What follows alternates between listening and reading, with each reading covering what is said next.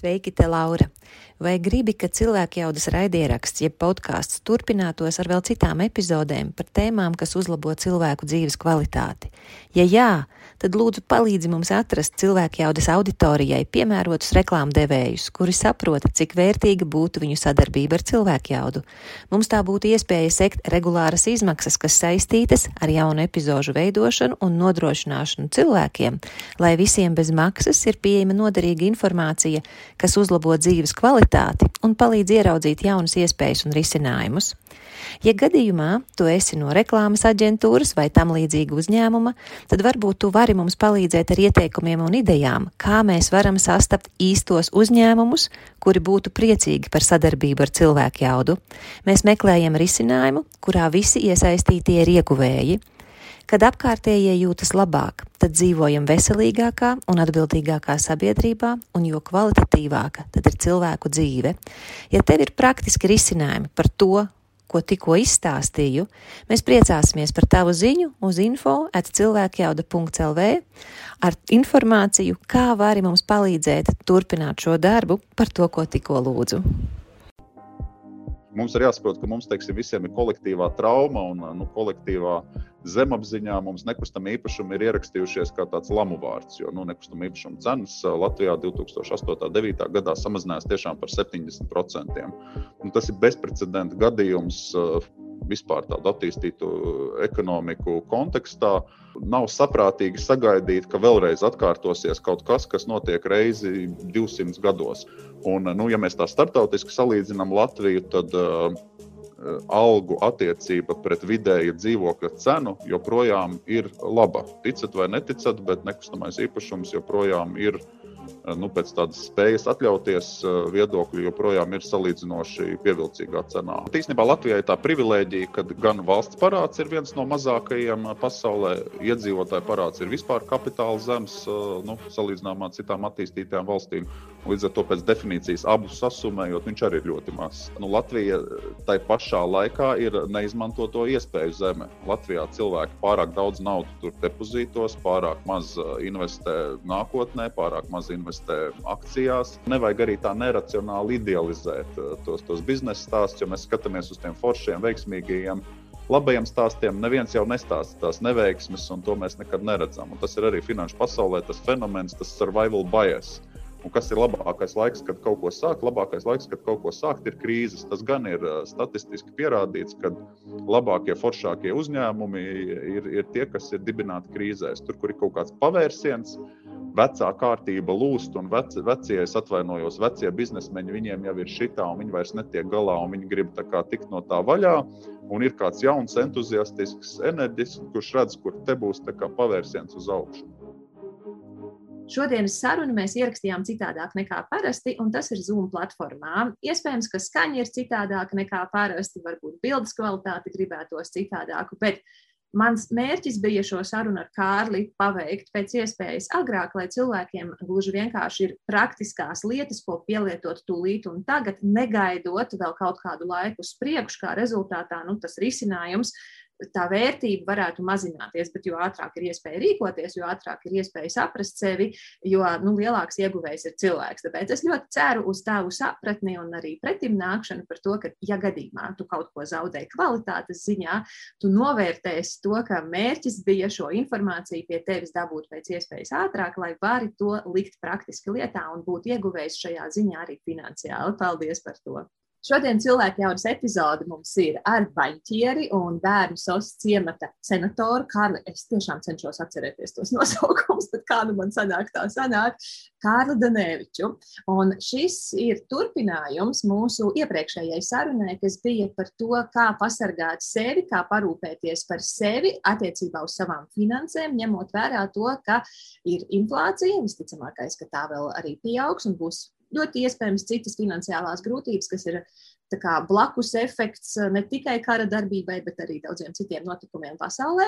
Un uh, sarunas laikā, ja tu to neesi noklausījies cilvēku, es tev ļoti sirsnīgi iesaku ņem un noklausies, tiešām noderēs ļoti daudz um, tādu pateicību mēs pēc tam saņēmām par to, ko Kārlis stāstīja. Ļoti daudz praktisku, nu, reāli izpildāmu lietu, kas tiešām nomierina nervu sistēmu un dod tādu gandarījumu, ka cilvēks rūpējas pats par savām finansēm foršāk. Un mēs tajā sarunā arī aicinājām cilvēkus uzdot savus jautājumus. Kārli, mēs esam saņēmuši, man šķiet, ka 25 jautājumus laikam. Mēs nu, kaut kā centāmies viņus sagrupēt pa tēmām. Es nezinu, kā tu tur viņus atbildēsi, apvienojot vai atsevišķi, bet nu, es tev centīšos uzdot katru jautājumu, un tad tiec nu galā, kā māki. Kāds tev bija iespējas par tiem jautājumiem, ko mēs saņēmām? Nu, jautājumi bija ļoti forši. Daži, man liekas, ir labi atbildāmi. Nu, daži, godīgi sakot, ir ļoti, ļoti grūti atbildāmi. Un tas man arī svarīgi no savas puses teikt, nu, tā, tā saistība atrunu, kā finansistiem un banķieriem ir svarīgi teikt, ka nu, es, es nevaru uzņemties atbildību par, par specifiska ieteikuma sniegšanu katrā konkrētā situācijā. Un, diemžēl tās dažas situācijas un tie daži jautājumi, ar ko mēs lasījām, uh, ir tādi, nu, kur no tāda finansiālā aspekta nu, neko cilvēkam nu, tādu, tādu jēdzīgu vai prātīgu īsti nevar ieteikt. Un vienmēr var atgriezties pie tā, ka nu, labākais ieguldījums ir pašam sevī.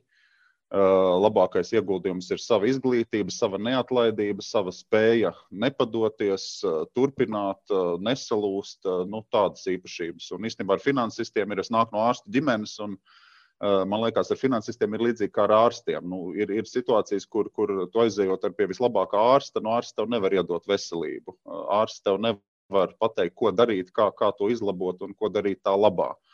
Ārsts tev var eh, preventīvi iepriekš pateikt, ko nedarīt, nesmēķēt, nedzert pārāk daudz alkohola un tā. No finansistiem ir līdzīgi.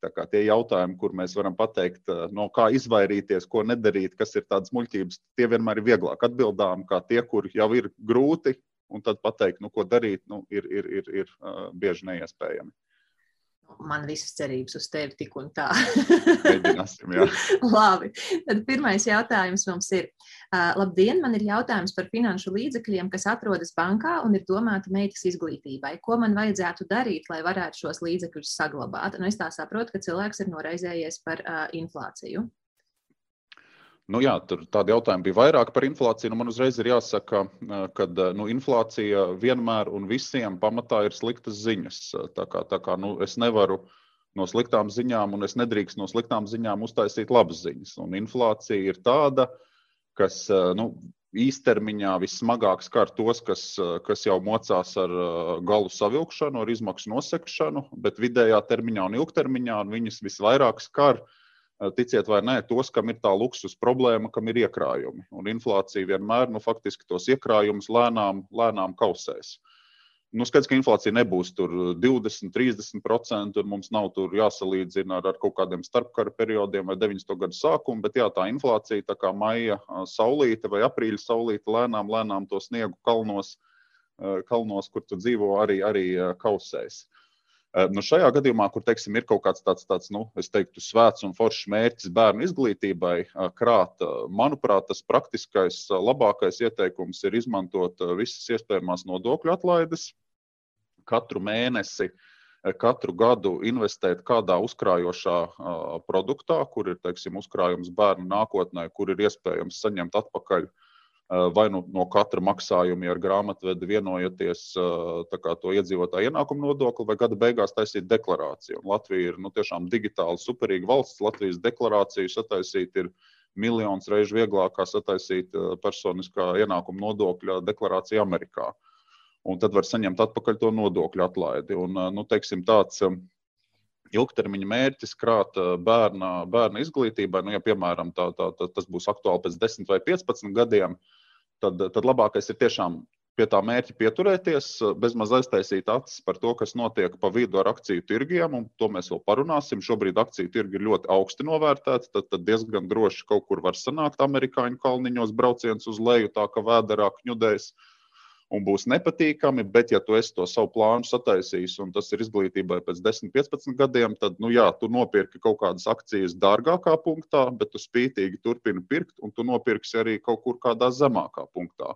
Un tādā garākā, jau 10, 15 gadu periodā, nu, tas ieguldījums diezgan droši būs ar pluszīmi. Nu, tas, tas, tas ir teiksim, tāda rietumu pasaules gudrība, un tas ir tas, ko, ko rietumu pasaulē vairākās paudzēs jau ir veiksmīgi cilvēki darījuši. Ja tas laika horizonts ir īsāks, ja teiksim, nu, tā izglītība ir pēc pieciem gadiem, nu, tad, tad ir tas risks lielāks piestiprināties tajos Ameriku kalni, Amerikas kalniņos, amerikāņu kalniņos, tad augstākā punktā, tad kaut kur pabraukt uz leju. Un tad sanāks tā, ka tev gan inflācija būs tavs ietaupījums noēdusi, gan tu esi riskējis ar akciju tirgu, un akciju tirgi arī ir pašļūkuši uz leju. Nu, tad es teiktu, tas ir dubults risks. Uh, Bet nu, garākos periodos, jā, tāda sadalīšana, nodokļu efektu izmantošana, tas droši vien ir tāds nu, labākais ieteikums, ko var šeit iedot. Mhm. Par nodokļu efektu izmantošanu. Mums klausītāji ne tikai Latvijā, viņi ir dažādās valstīs, bet mans jautājums tagad būs tieši par Latviju kur cilvēks vispār var uzzināt visas tās iespējas, kas viņam ir, ko var tiešām likt lietā šo nodokļu atvieglojumu izmantošanai. Es personīgi esmu galīgs dunduks, un es zinu, ka es pārmaksāju savus nodokļus, neizmantojot šos nodokļu atvieglojumus. Es domāju, tiešām, ka tur ir nu, katrs, kam ir elektroniskais paraksts, var diezgan viegli ieiet EDS valsts ieņēmuma dienestā, tā kā elektroniskās deklarēšanas sistēmā. Un, nu, patiesībā sakot, mums jau gandrīz tā kā Igauniem tā deklarācija jau gandrīz ir sataisīta tavā vietā. Uh, nu, es varbūt esmu finansists un 25 gadus strādājis par pa, pa finansistu. Man, man, ir grūti uh, iedomāties, ka tas ir ļoti sarežģīti. Varbūt ir tas sarežģītāk, kā es spēju iedomāties. Uh, Bet nu, tad uzprasiet kādam draugam, paziņām palīdzību. Es zinu, arī mani kaut kādi nu, radinieki un draugi palīdz citiem, un kāds jurists pazvana un palūdz, vai tu varētu pastīties, kā tā deklarācija taisās, un pēc tam tu vari tam juristam pazvanīt un paprasīt, klausies, vai tu man vari palīdzēt ar pirkuma līgumu, es tur kaut ko skatos, ko varbūt pirkt. Tā kā mēģinām tā savā nu, plašākā burbulī atrast kādu, kas var palīdzēt, bet nu, vēlreiz tā, tā deklarācija no tāda finansistu viedokļa, nu, ir triviāli vienkārša. Uh, ļoti daudz informācijas un labas informācijas ir tajā pašā valsts ieņēmuma dienesta mājaslapā. Lielākās bankas arī liek, liek dažādas tur, tur visādas marketinga materiālus par to tēmu. Nu, it kā nav, nav pārāk, pārāk traki un pārāk sarežģīti. Un tur tas foršums ir, ka tu no katriem, teiksim, tu ieguldi tur nu, 100 eiro, un tu no tiem 100 eiro jau būsi to nodokļu efektu uzreiz saņēmis atpakaļ. Tad tev uzreiz ir ienesīgums eh, tur virs 20%. Nu, kur, kur, kur tu vēl vari ieguldīt kaut kādā ieguldījumā, kur tev jau pirmajā gadā ir faktiski garantēts tik liels eh, ienesīgums, kas uzreiz jau nokompensēs inflāciju šogad, un nākamgad, un varbūt pat vēl. Lieliski, tu man iedevi tagad ideju, ka man ir jāsameklē kāds gudrītis vai vairāki, kas vienkārši cilvēkiem var iedot uzskaitījumu par tām iespējām, kādā veidā ietaupīt ar nodokļiem. Jā, tas, tas gada slieksnis vismaz Latvijā ir gana liels - 4000 eiro. Nu, tas ir milzīgs cipars, ko var gada laikā ieguldīt un to nodokļu efektu izmantot. Un, nu, tiešām tādos ilgākos periodos, kur mēs krājam bērnu izglītībai, superveids. Mm, lieliski. Un uh, tu sacīji, ka, ja cilvēkam tā nauda bērnu izglītībai ir nolikta uh, un, piemēram, vajadzēs viņu izmantot pēc pieciem gadiem, tad nu, tur ar tām investīcijām ir tā sarežģītāk. Vismaz šajā brīdī, ja, kur uh, inflācija aug un, un, un kur uh, ir liels risks ar to, kas varētu notikt akciju tirgos. Bet ko tad darīt tam cilvēkam, kam ir tie pieci gadi tikai vajadzīgs risinājums? Nu, tur, tur, jā, tur ir grūtāk kaut ko, kaut ko labu ieteikt, eh, jo nu, vēlreiz tas risks ir, ka jūs beigsiet no inflācijas, bet jūs aizskriesiet uz akciju tirgu samazinājumu. Eh, obligācijas vēsturiski bija parasti tāds labs ieguldījuma veids, bet nu, finansisti šobrīd par obligācijām vai obligāciju fondiem eh, joko, kad agrāk tur varēja dabūt bezriska ienesīgumu. Tagad joks ir, ka tur var dabūt bez ienesīguma risku. Tad, tad ienesīgums tev nebūs, tu tikai riskēsi. Uh, Līdz ar to tādas nu, finanšu pasaulē, nu, tas ir jā, mans, mans personīgs, eh, bet, bet informēta cilvēku viedoklis, tādu ļoti labu eh, īstermiņa risinājumu šobrīd nav. Tur atpakaļ pie tā, ko mēs iepriekšējā sarunā runājām, nu, tiešām pastīties, ja tā inflācija neļauj naktī gulēt un ir baigais bubulis un ir tā luksus problēma, ir kaut kāds uzkrājums, atkal atgādināt sev, ka tā ir luksus problēma. Daudziem nav tāda luksus problēma. Tad paskatīties, nu, kur es varu piefiksēt izdevumus, kas man nākotnē varētu būt, kur es varu samazināt nākotnes izdevumus piemēram, nu, tie paši solārie paneļi vai kaut kas, vai kaut kas tāds, kur, kur teiksim, es redzu, jā, nu, cenas iet uz augšu, es nākotnē joprojām maksāšu par elektrību, joprojām maksāšu par vēl kaut ko. Varbūt ir kaut kas, ko es šobrīd varu izdarīt un kaut kādā ziņā piefiksēt. Joprojām atstājot, protams, to vismaz trīs mēnešu izdevumu apmērā rezervi. Tas tā, tā vienmēr ir nu, jāmēģina vismaz tādu turēt, un tad var domāt par tālākiem ieguldījumiem. Un kā ir ar nekustamo īpašumu? Ja, piemēram, cilvēks zina, ka bērnam to naudu vajadzēs pēc pieciem gadiem, vai ir jēga pēc tavām domām meklēt risinājumu saistībā ar nekustamo īpašumu piecu gadu ietvaros? Nekustamais īpašums inflācijas apstākļos, starp citu, ir labs ieguldījuma veids. Pat ja mēs skatāmies tos globālos piemērus, kur nu, ir ek ekstrēma, tur inflācija bijusi Venecuēla, ir tāds pēdējais briesmīgais piemērs, kur, kur viss mhm. valsts ir vienkārši inflācijas iznīcināta. Uh, Atkal nekas tāds mums nedraud, bet vienmēr ir labi paskatīties kaut kāds ekstrēms virziens, jo viņi skaidrāk destilē parāda to, to patiesību. Uh, nu, ir nekustamā īpašuma Venecijā viens no retajiem uh, ieguldījumu veidiem, kas, kas tā kā normāli turās. Irāna, piemēram, arī finansiāli pilnīgi briesmīgs stāsts, bet atkal var ļoti skaidri redzēt, nu, kas tad briesmīgos apstākļos strādā, nu, tad nebriesmīgos apstākļos, kāda mums būs, no nu, arī pišķiņa tas virzienu parāda.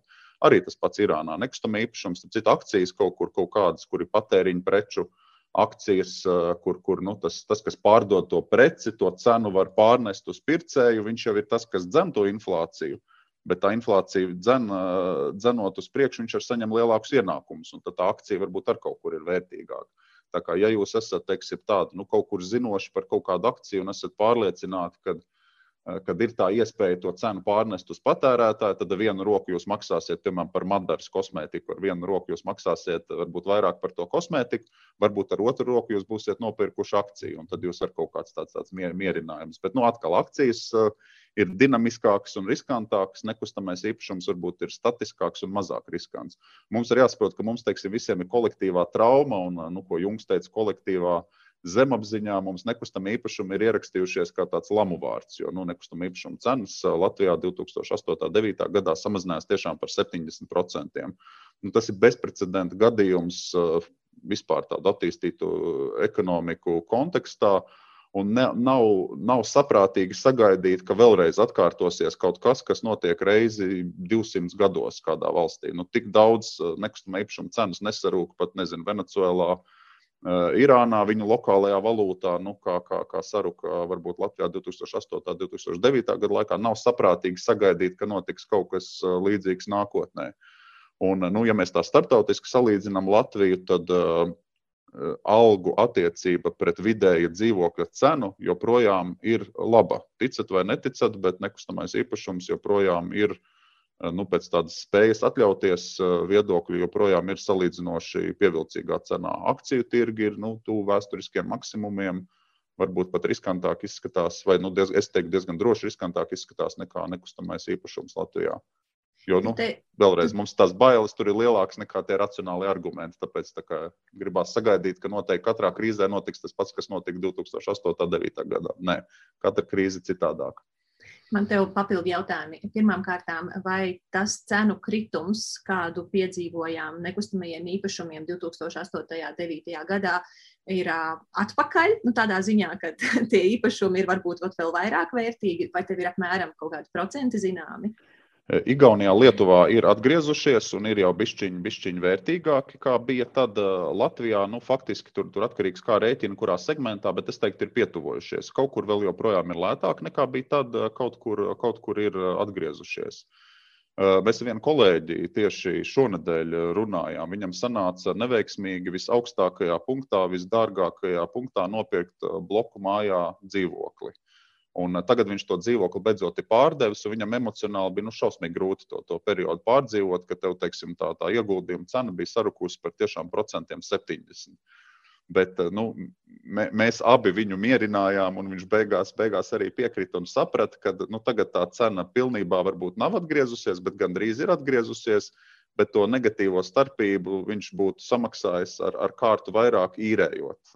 Līdz ar to teiksim, nu, pat, pat viņam tagad tā, tā situācija ir izlīdzinājusies, un tas nav bijis finansiāli nepareizs lēmums. Kā, nu, tas tirgus, es teiktu, nu, kā rēķina, vai to īri ieskaita vai neieskaita, bet nu, pat viņš ir atgriezies, atgriezies tur, kur viņš bija. Bet algas ir vidēji krietni lielākas nekā bija 2008. un 2009. gadā aizņemšanās apjoms ir nesalīdzināmāk mazāks, Latvijas ekonomika ir nesalīdzināmāk spēcīgāka, nav tekošā konta deficīts liels un tā tālāk. Un tā, protams, varētu garu un plaši stāstīt, kāpēc Latvija pozitīvi atšķirās kā, kā diena pret nakti salīdzinājumā ar to, kāda mēs bijām 11 gadus atpakaļ. Jā, pastāst lūdzu vēl vairāk par to. Uh, nu jā, man liekas, uh, toreiz mums bija uh, mēs, nu, tāds, tāds vidējais latvietis, uh, bija aizņēmies krietni, krietni vairāk nekā bija ieguldījumi. Ja mēs skatāmies, ko teiksim, finanšu pasaulē parasti skatās kredītu attiecību pret depozītiem, tad kredīti bija šitik, nesatājums, kredīti bija šitik daudz un depozīti bija šitik daudz. Tad, tad nu, mēs bijām aizņēmušies no pārējās pasaules. Uh, Eh, mēs eh, importējām jaunas mašīnas, celtniecības materiālus un tā, un mēs par to maksājām uz eh, parāda. Un kaut kādā brīdī nu, tas parāds ir, ir jāsāk, jāsāk atgriezt. Nu, šobrīd viss apgriezies, apgriezies otrādi. Tad, tad kredīti mums ir ļoti maz, depozīti mums finanšu sistēmā ir daudz.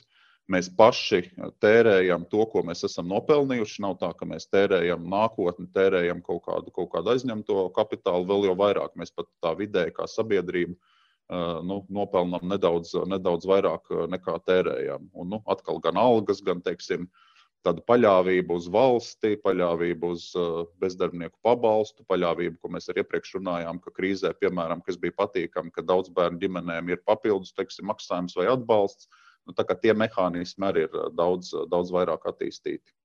Tad, kad tu teici mēs, mūsu depozīti, mūsu kredīti, tu runā par iedzīvotājiem, ja tu runā par valsts kredītiem. Un...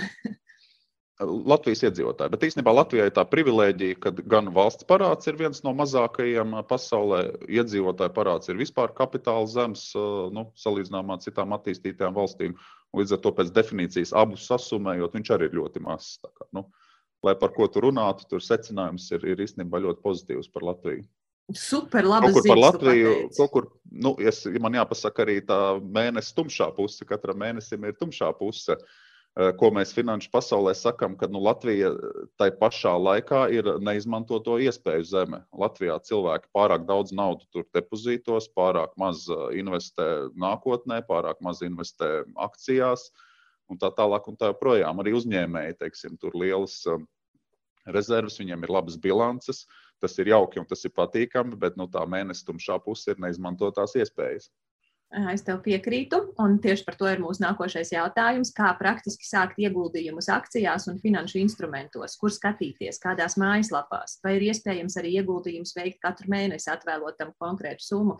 Man šķiet, ka tā situācija, ka tu teici, mums ir neizmantotās puses, neizmantotajās iespējas, ir tieši ar to saistīts, ka mums vienkārši nav zināšanu. Jā, nu īstenībā jautātājs jau ir ļoti gudrs, un jautātājs pats jau visu zina. Tikai varbūt ir kaut kur bažas noticēt tam savām zināšanām. Tur, kur viņš saka, ka vai vajag katru mēnesi kaut kādu ieguldījumu veikt, nu jā, tas ir. Nu, es nezinu, tā kā medicīnā ir skaidrs, ka smēķēt ir slikti un, un, un ir kaut kādas lietas, ko, ko darīt, ir slikti. Tā arī finansēs ir absolūti skaidrs, ka teiksim, tāds sadalīts ieguldījums, pat, un īpaši, ja tu izmanto nodokļu efektu, uh, Eh, nu, ilgā periodā tas ir vislabākais. Jo atkal, tu, tu kaut, kur, kaut kur nopirki akcijas dārgi. Šobrīd viņas, manuprāt, ir salīdzinoši dārgas. Kaut kur tu viņas nopirksi lētāk. Bet nevis tu sēdi uz, uz lielas naudas, un tad tu domā, tu kaut kādu zelta zīltiņu izvilksi un nopirksi tur nākamās Teslas akcijas vai kaut kā citādāk. Tā kā, nu, tāds tāds nu, visdrošākais ieteikums, ko es varu iedot, nu, tas ir tāda pacietīga, spītīga investēšana, katru mēnesi, atlicinot kaut kādu konkrētu summu. Bet arī ļoti svarīgi, lai cilvēks ir tam emocionāli gatavs, lai viņš nesāk panikot un lai viņš nesāk pārdot to savu pozīciju vai slēgt to pozīciju, ja tās akciju cenas nokritīs. Un man personīgs viedoklis ir, ka visticamāk tas amerikāņu kalniņš kaut kad bišķiņu uz leju, leju aizies. Nu, tur ir jābūt tai psiholoģiskai noturībai. Es īstenībā grā, grāmatu gatavojoties sarunai paņēmu Vorens Buffets uh, sniega bumbas efekts. Un, uh, es varētu izvilkt tieši to pašu grāmatu, tikai angliski un parādīt ko, kolosāla grāmata, bet uh, kāpēc, kāpēc grāmata saucās Sniega bumba? Sniega bumba, tāpēc, ka Vorens Buffets tā arī, tā arī saka, ka tā, tā investīcija dzīve ir kā sniega bumba kalna galā, tev viņa ir maziņa, maziņa.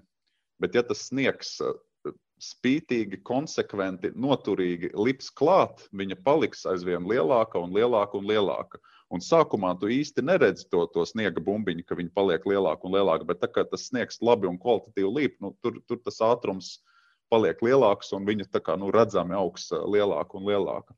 Un tas ir Vorens Buffets ar stāstu, ka cilvēki kā, nu, matemātikā katrs mocās ar, ar salikto procentu jēdzi, jēdzienu. Mēs saprotam, ka teiksim, nu, dividendžu ienesīgums 4% gadā, es katru gadu nopelnīšu 4%.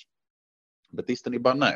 Tu nopelnīsi vairāk, jo, ja tu tos 4% reinvestē tajā pašā akcijā, tad tev ir 4% uz iepriekšējiem 4%, pēc tam vēl uz 4% un pēc tam vēl. Un tev saliktajos procentos tev diezgan ātri uh, aiziet, aiziet, ka tas ieguldījums eh, strauji, strauji pieaug. Nu, kaut kādā brīdī tu, tu, tu ieslēdz to atkal. Ir jābūt emocionāli gataviem, kad ir kaut kāds iekritiens un ir kaut kāda, teiksim, negatīvā bedra. Un, nu, Vorena Buffeta tāds nu, visslavenākais teiciens, kur viņam prasa, nu, kas ir viņa investīciju stratēģija, kā viņš ir kļuvis par bagātāko investoru pasaulē. Nu, atkal primitīvs apgalvojums, ļoti grūti ievērojams dzīvē, bet tas apgalvojums ir, eh, esi bailīgs tad, kad viss ir drosmīgi, uh, esi drosmīgs, tad, kad viss ir bailīgi. Ja jūs vēl to tai sniega bumbai spējat pievienot, un tad, kad teiksim, akcijas ir dārgas, vai tad, kad 2008. gadā nekustamie dārgi, tad esat bailīgi un neskrienat tur, kur visi, eh, visi citi skrien. Un, un tad, kad, tad, kad teiksim, 2010. gadā nekustamie ir lēti, uh, vai es nezinu, 2014. gada akcijas ir lētas, tad jūs atkal esat drosmīgāki un jūs to savu ikmēneša uh, ieguldījumu palielinat, nu, tad ir vēl skaistāk. Tad tā sniega bumba tā kā nu, tādiem palēcieniem uh, augsts straujāk. Bet nu, atkal tas ir tādā nu, ilgā, ilgākā termiņā. To nevarēs nekad pamanīt uh, divu, trīs, piecu gadu nogriezienī, bet to garantēti varēs pamanīt 15, 20 gadu nogriezienī. Nu, gluži kā ar smēķēšanu. Uh, ja es šodien atsākšu smēķēt, eh, nu, droši vien, ka pēc gada tas man veselību nesabojās, bet pēc 15 gadiem diezgan droši eh, pabojās un sabojās. Labi, Kārli, tad jautājuma pirmā daļa bija, kā praktiski sākt ieguldījumus akcijās un finanšu instrumentos, kur skatīties kādās mājaslapās. Nu, es atkal teiksim, tādai eh, ko konceptuālai iedvesmai un izglītībai to pašu eh, grāmatu ieteiktu. Viņa gan baigi biezā, varbūt negribās visiem lasīt, bet nu, pastīties kādu, nezinu, Vorena Buffeta lekciju, uh, pastīties kādus, kādus arī nu, Latvijā ir daudz, daudz cilvēku forši, kas dalās ar tām uh, idejām un ieguldījumiem. Mans kolēģis Andris Lāriņš, man starp citu, dikti, dikti patīk šajā ziņā, kopš esmu Twitterā arī interesanti lasīt un skatīties. Pasaki vārdu vēlreiz, kur... lūdzu, tam kolēģim. And, Andris Lāriņš. Andris ar R būtu pa vidu, ja? Jā. Mm -hmm. Andris Lāriņš. Un, un kaut, kur, kaut kur mēģināt to savu patiesību destilēt un kristalizēt. Un, nu, atkal nu, tā filozofiski jāatcerās ziedoņa teiktais, ka ir pārāk daudz patiesību tur ārā pasaulē. Un sajukt var, ja nav savējās. Un tas, tas, ko es tiešām novēlu, ir atrast to savējo. Uh, Nevis, teiksim, domāt, ka jums tagad kāds gudrs amerikānis pateiks, ko darīt, un tad jūs pirksiet amerikāņu akcijas, bet nē, vairāk padomāt, kas esmu es, ko es sagaidu, ko es gribu, kāds man ir investīciju horizonts, cik, cik garā periodā man tā investīcija ir vajadzīga. Vai man vairāk uztrauc, ka man pieaugs izmaksas, vai es vairāk, teiksim, gribu, nezinu, sapņoju pensionēties ātrāk un, un kaut kādiem ieguldījumiem. Tā kā nu, vairāk to savu patiesību saprast. Un varbūt es, teiksim, tiešām es. Nu, Nezinu, es pats eh, varu var teikt, es esmu pircis eh, seba akcijas, tāpēc ka es tur strādāju, es to iestādi pazīstu, saprotu. Man viņa simpatizē un patīk. Un kāpēc lai es pirktu JP Morgan vai Goldman Sachs akcijas, eh, es, ar ko es esmu gudrāks par vidēju amerikāņu, lai kaut ko tādu darītu? Nu, tad es drīzāk pirkšu indeksu, tad es teiksim, nu, taisīšu to sniega bumbu, uh, velšu ar 4% gadā vidējo dividendžu ienesīgumu, 15, 20 gadu periodā nopērkot indeksu, es to sniega bumbu pacietīgi velšu. Un tad es arī mēģināšu pielikt to, to elementu, kad, ja akciju tirgi ir augsti novērtēti un viss ir drosmīgi, tad es būšu bišķiņš bailīgs un es samazināšu to savu ieguldījumu. Tā kā viss ir bailīgi un tā kā viss ir nobijušies un akciju tirgus ir lēts, tad es būšu drosmīgs. Tad es mēģināšu viņu bišķiņu palielināt. Nu, kaut kā tā. Tā, tā tos, daļa tos tagad atrast. ir saprotama. Tā daļa ir saprotama. E, mans jautājums e, ir cilvēka jautājums, ir, kā praktiski sākt. Nu, tas ir iztēlojies tagad cilvēku, kurš nezina, nu, kā tas konkrēti izpaužās, kur man jāiet, kur man jāreģistrējās. Ja tu nezini, varbūt tu zini, nekur, nav, nekur zina. nav jāiet. Es, es pats, pats nesen ar to kārt, kārt e, vēl vienreiz izveicu. Īstenībā Latvijā ir ļoti labs atkal juridiskais regulējums, ir iespējams atvērt investīciju kontu. Tad pirmais, kas būtu jādara, ir jāatver investīciju konts. Tas ir neobligāti. Neobligāti, bet es varbūt okay. iesākšu ar to investīciju kontu. Investīcija konts tas ir tāds nu, visforšākais, ja tiešām grib, teiksim, 10, 15 gadu periodā nodarboties ar akciju pirkšanu, pārdošanu, tad, tad investīciju kontu uh, atverot, uh, tev nodokļi būs jāmaksā no tās starpības, ko tu, ko tu nopelnīsi uh, tu kaut kādu, teiksim, tur, nezinu, tūkstotu ieskaiti, un pēc desmit gadiem izskaitīs ārā 1500. Tad tu pa vidu varēsi darīt, ko vien tu gribi. Tu maksāsi savu iedzīvotāju ienākumu nodokli no tās nopelnītās starpības, no tiem 500 eiro. Tev nebūs tur pa vidu kaut kāds atskaites jāiesniedz. Nebūs nekas, nekas sarežģīts jārēķina, nekāda tur, teiksim, akciju tirgi pieaug. Tagad tu samaksā nodokli, tad viņi nokrīt, nu, tad viens jau viņu atpakaļ neatgriezīs. Uh, Tas tādiem avansētākiem ieguldītājiem, kas tiešām grib pirkt specifiskas akcijas vai specifiskus fondus, tad var to investīciju kontu atvērt. Visiem citiem, un es domāju, un arī priekš manis tas ir noderējis bērnu izglītības krāšanai un citādi, un 90% cilvēku nu, tomēr visticamāk noderēs tas, ko es teicu, tāda uzkrājoša apdrošināšana vai vienkārši paņemt nu, uzkrājums bērnu nākotnē, uzkrājoša apdrošināšana bērnu nākotnē sevi var apdrošināt, tā kā tie uzkrājošās apdrošināšanas produkti uz vismaz desmit gadiem, kur katru mēnesi kaut ko maksājam kaut kādā indeksa fondā un izmantojam nodokļu efektu. Man liekas, 90% gadījumu atpakaļ pie sarunas sākuma. Tas arī ir visvienkāršākais, vislabākais, un varbūt nemaz nevajag investīciju kontu vērt. Bet investīciju konts tas ir tādiem advancētākiem uh, Eh, lietotājiem, un pēc jautājumiem es dzirdu, kad, kad ir, ir eh, avansēti lietotāji, nu tad, eh, tad, tad, tad, jā, tad var par to domāt, un tad var ar tām akcijām tur, turp šurp kaut ko darīt. Bet atkal tāda pamat patiesība ir, nu, dara to, kur, jūs, kur jums ir sava patiesība, un jūs zinat, ka jūs par kaut ko esat gudrāks vai gribat būt gudrāks. Bet tā uz dūlo kaut ko pirkt vai pārdot, uh, Nu, nē, nu tad tas būs tā kā kazino, kur uh, māja, kas organizē tās, tās likmju likšanas, vienmēr nopelnīs, bet tie, kas liek tās likmes, uh, tiem varbūt būs uh, labs un interesants pavadīts laiks. Bet nu, tā vidēji viņi nenopelnīs. Tā kā tā vidēji ar akcijām, tā ir tā Vorena Buffeta patiesība, tā tirgoties turp šurpu. Uh, nu, nē, nu, tur jums ir tiešām jābūt uh, ar, ar visām četrām tajā iekšā, un jums ir jābūt par, ar, ar kaut ko gudrākam par visiem amerikāņiem un visiem pārējiem, kas to dara dienu dienā un nezinu, 15 stundas dienā par to vien lasa un interesējās. Visādi citādi mēģināt atrast to savu patiesību. Strādājot Madarā, pērkat Madaras akcijas, nezinu, lietojot Madaras kosmētiku, šausmīgi patīk, ir šausmīgi pārliecība, ka viņi būs fantastiski. Nu, mans pēc pēr, pērkat to. Es atkal es neuzņemos atbildību par to Madaras akciju cenu attīstību, bet nu, tas tāds vienkārši tu, tuvāks dzīvē piemērs. Tad tagad uh, iztēlojies situāciju ģimenē, divu bērnu ģimenē. Nu, pieņemsim, uh, vīrs strādā, teiksim, IT jomā, uh, sieva strādā, piemēram, nu, nezinu, valsts pārvaldē, varētu būt arī otrādi, nav svarīgi. Un uh, viņiem nav nekādas pieredzes attiecībā uz investēšanu. Viņi tagad saprot visu, ko tu esi līdz šim izstāstījis, bet ir tur nu, daudz vēl caurumu tajās zināšanās, tieši tīri praktiski. Ok, Kārlis pateica, jāatver investīciju konts, ja mēs gribam būt nopietni, vai mēs sākam vismaz ar to uzkrājumu strādājošo apdrošināšanu. Bet ir kāds cilvēks, kurš kā Latvijā kādam vispār var izskaidrot tos soļus, kā tieši ir jādara. Ir kaut kādas apmācības, ir kaut kāda mājaslapa, kur tas ir aprakstīts, kā es no nezinīša pamazām iegūstu tādas pavisam praktiskas zināšanas, ka es zinu, man ir jāiziet šeit, man ir jāparunā te, man ir jāsamaksā tur, man ir jāpiereģistrējās tur. Jā, nu tas, tas labais ir, ka Latvijas uh, lielākās bankas ir digitāli ļoti forši attīstītas, un, un to visu var izdarīt online.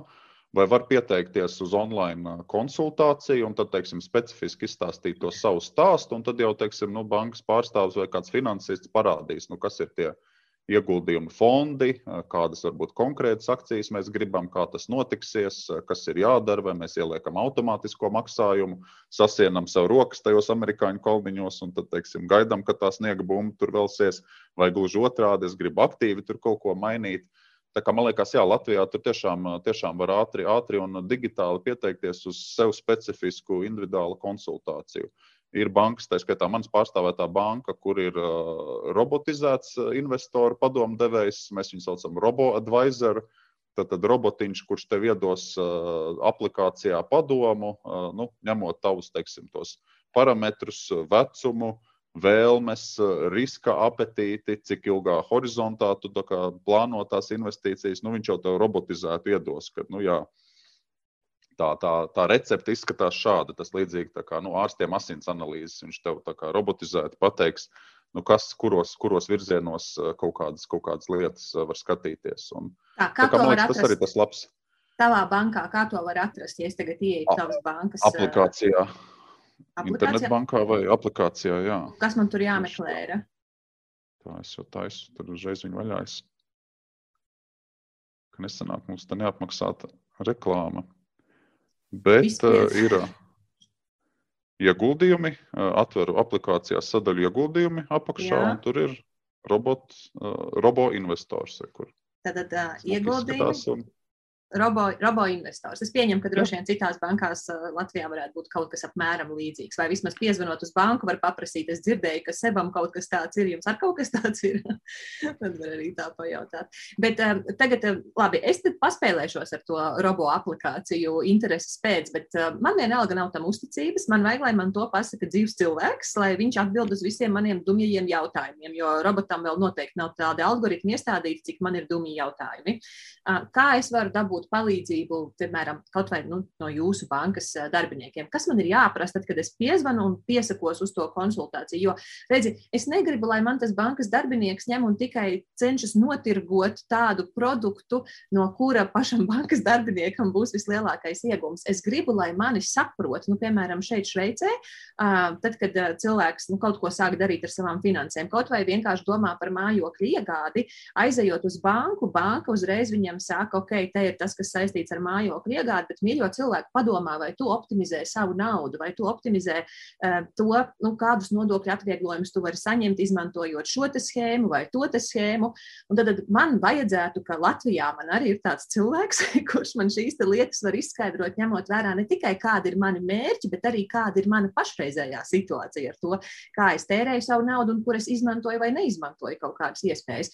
Kā, vai, ta, vai to ir iespējams dabūt tavā bankā, ja ne tavā bankā, kur to vispār ir iespējams dabūt? Un kas ir nu, jāprasa? Konkrēti, kas ir jāprasa? Īsā, īsā atbilde ir, jā, protams, to ir iespējams dabūt uh, visās lielā, lielajās uh, bankās Latvijā. Un atkal tās lielās bankas Latvijā, nu, viņas ir uh, digitālas, attīstītas, gudras un labi kotējās arī starptautiski. Un mātes bankas ir ar labām zināšanām un tā. Es arī saprotu, ko tu, ko tu teici, tās vēsturiskās bailes no bankas, ka tev ieteiks kaut ko, kas tev nav izdevīgi. Bet, eh, nu, tici man, eh, Eiropas Savienībā tas nav iespējams. Bankas tiek eh, kolosāli uzraudzītas, regulētas, un, un tur ir milzīgi, milzīgi teiksim, mehānismi, kā tiek nodrošināts to, ka nav iespējams ieteikt kaut ko, kas ir neizdevīgs tev, bet izdevīgs bankai. Neieejot detaļās, nu, tas, tas, tas finansists, ar ko tu runāsi, Viņam obligāti ir jānoklausās eh, tavas, tavas vēlmes, tavs profils, eh, tavs, tavas teiksim, nu, riska tolerance, lai tevi nesabiedētu, lai tev nenodarītu pāri. Uh, tavs teiksim, investīcija horizonts, vai tie ir 5, vai 10, vai 15, vai 20 gadi, un tikai tad viņš var tev kaut ko specifisku ieteikt. Un viņam vienmēr būs pienākums nevis tev tagad teikt, nu, pēc seba akcijas, tāpēc ka es tur strādāju, bet viņam te būs pienākums ieteikt tos produktus, kas mazāk tev nodarīs pāri indeksu indeksu fondi, nu, atkal saprotot, vai tu vairāk gribi, nezinu, obligācijās, un tev vajag tur to naudu pēc, pēc maza perioda atpakaļ, vai akciju fondos, ja tu, ja tu gribi tā kā ilgākā periodā, nu, viņam, viņam būs jāiesaka tādas lietas, kur tas risks jau ir sadalīts un, un izklāts plašāk. Tieši ar to mērķi, lai nu, cilvēki, cilvēki nevarētu sev nodarīt pāri, nezinot, ka viņi sev nodarīs pāri. Tā kā Eiropas Savienībā jūtamies droši ar šito un ar lielajām bankām tur droši var par to runāt un konsultēties. Uh, un pieteikties uz privāto konsultāciju. Bet atkal, zelta vērta ir tā sava patiesība. Tur ārā pasaulē ir tik daudz citas patiesības, jūs sajuksiet, ja nebūs tā sava patiesība. Ir jāzina tā sava vēlme un tā sava tolerance, vai no kā man ir bail, vai kas man biedē, vai ko es negribētu. Tad, tad daudz labāk varēs ieteikt to konkrēto risinājumu. Es Es saprotu, ka tāds būtisks aspekts šeit ir tieši mana psiholoģija, bet ne tik daudz eh, gan tajā, kā es sevi zinu, kā es pazīstu, nu, cik ir man tur riska tolerants un tam līdzīgi. Bet otra lieta ir, cik es brīvi ar šādu te konsultantu varu runāt. Varbūt tev ir nu, kāds ieteikums, lai cilvēkam tā saruna ar to bankas darbinieku, vai es nezinu, kas tas cits būtu pa finanšu konsultantu, lai viņš pēc iespējas vairāk iegūst no tās sarunas. Un, un tieši, ka ir pilnīgi skaidra tā praktiskā puse, ka tas ir piemērots man, tam, kas man ir būtiski, kāda ir mana situācija. Nu jā, grūti iekļūt katra galvās, bet nu, arī ar mani, protams, eh, radinieki, draugi, paziņas ļoti daudz konsultējās par šiem jautājumiem. Un, nu, biežāk man sanāk ieteikt, nu, ko, ko neieguldīt, eh, ko nedarīt. Un eh, tas droši vien tas vērtīgākais ir saprast, saprast tā cilvēka nu, cik viņš ir, cik viņš ir trauksmains, cik viņš nobīsies, ja kaut kāda vērtība samazinās, vai viņš nesāks, vai viņš nebūs nopircis akcijas dārgi un pēc tam pārdos, kad viņas būs lētas. Jo tas ir viss trakākais. Tu, tu bēgi no inflācijas, bet tu kaut ko nopirki dārgi un tu pārdos lēti. Un rezultātā tu gan cieti no inflācijas, gan tu cieti no akciju tirgus samazināšanās. Tā kā vairāk saprast tās savas bailes, kas jums ir, teiksim, tas, tas no kā jums ir ir bail, tas ir visvērtīgākais. Nobela laureāts ekonomikā Daniels Kānemans ļoti skaisti kā psihologs ir pierādījis, ka cilvēkam sāpes no zaudējuma vienmēr būs lielākas nekā prieks no ieguvuma. Nu, es teiksim, esmu tipisks tāds cilvēks. Es, esmu tipisks cilvēks, kas neizmantos, neizmantos savu potenciālu, nepirks Teslas vai Apple akcijas, pat ja to pilnīgi obligāti vajadzēja darīt 5, 10 gadus atpakaļ. Uh, tikai tāpēc, ka man ir bail, bail no, no, no, teiksim, no tā zaudējuma. Bet, jā, kaut kur teiksim, novērtējot, ka nekustamais īpašums ir, ir lēts, vai šobrīd teiksim, novērtējot, ka solāro paneli atmaksājās likt, un tā būs lieta, kas man nākotnē ļaus uh, mazāk maksāt un, un justies drošākam, nu, tad to es uzdrošinos un to es izdaru. Bet kādam atkal šausmīgi patīk tur spēlēties, un kādam tā riska tolerance ir lielāka. Nu, tad, viņš, tad viņš to izstāstot, varbūt viņš kaut ko, kaut ko riskantāku uzsāks. Mhm, paldies. Tad uh, viens jautājums ir ļoti līdzīgs. Tad kā saprast un kur meklēt informāciju par akciju iegādi? Kur to Latvijā var uh, atrast tādu informāciju? Biržas mājaslapa, Nasdaq, uh, nu, protams, kad teiksim, tā, sākam ar to, kas mums ir tuvāk, tuvāk acīm, tuvāk mūsu realitātei, kā mēs iepriekšējā sarunā runājām, nezinu, tur vecmāmiņas dzīvoklis vai mežs vai kaut kas tāds tuvāks, tas vienmēr ir uh, pareizāk, pareizāk kā, nu, apsaimniekojams vai investējams nekā kaut ko abstrakti, tur bitkoinos pirkt vai kā. Nu, šeit tāpatās nu, skatāmies, vai mums kaut kas pārliecina, uzrunā šeit, šeit lokāli. Nu, tad varam skatīties Stokholmas biržā. Varbūt tās man tur liekas, ir kaut kāda tur, teiksim, nu, laba, labi akciju portfeļi vai indeksi vai kaut kas, ko es varu palasīt un paskatīties. Tā kā, ja gribam tādu specifisku uzmanību, tad droši vien no tām tuvākajām biržām arī var skatīties un, un kaut, ko, kaut ko darīt. Uh, Man eh, viena no, viena no veiksmīgākajām investoriem, man viena radiniece, un viņa, viņa tiešām, tiešām eh, pati ar savu, eh, savu darbu kļuva bagāta, es pat teiktu, ļoti bagāta.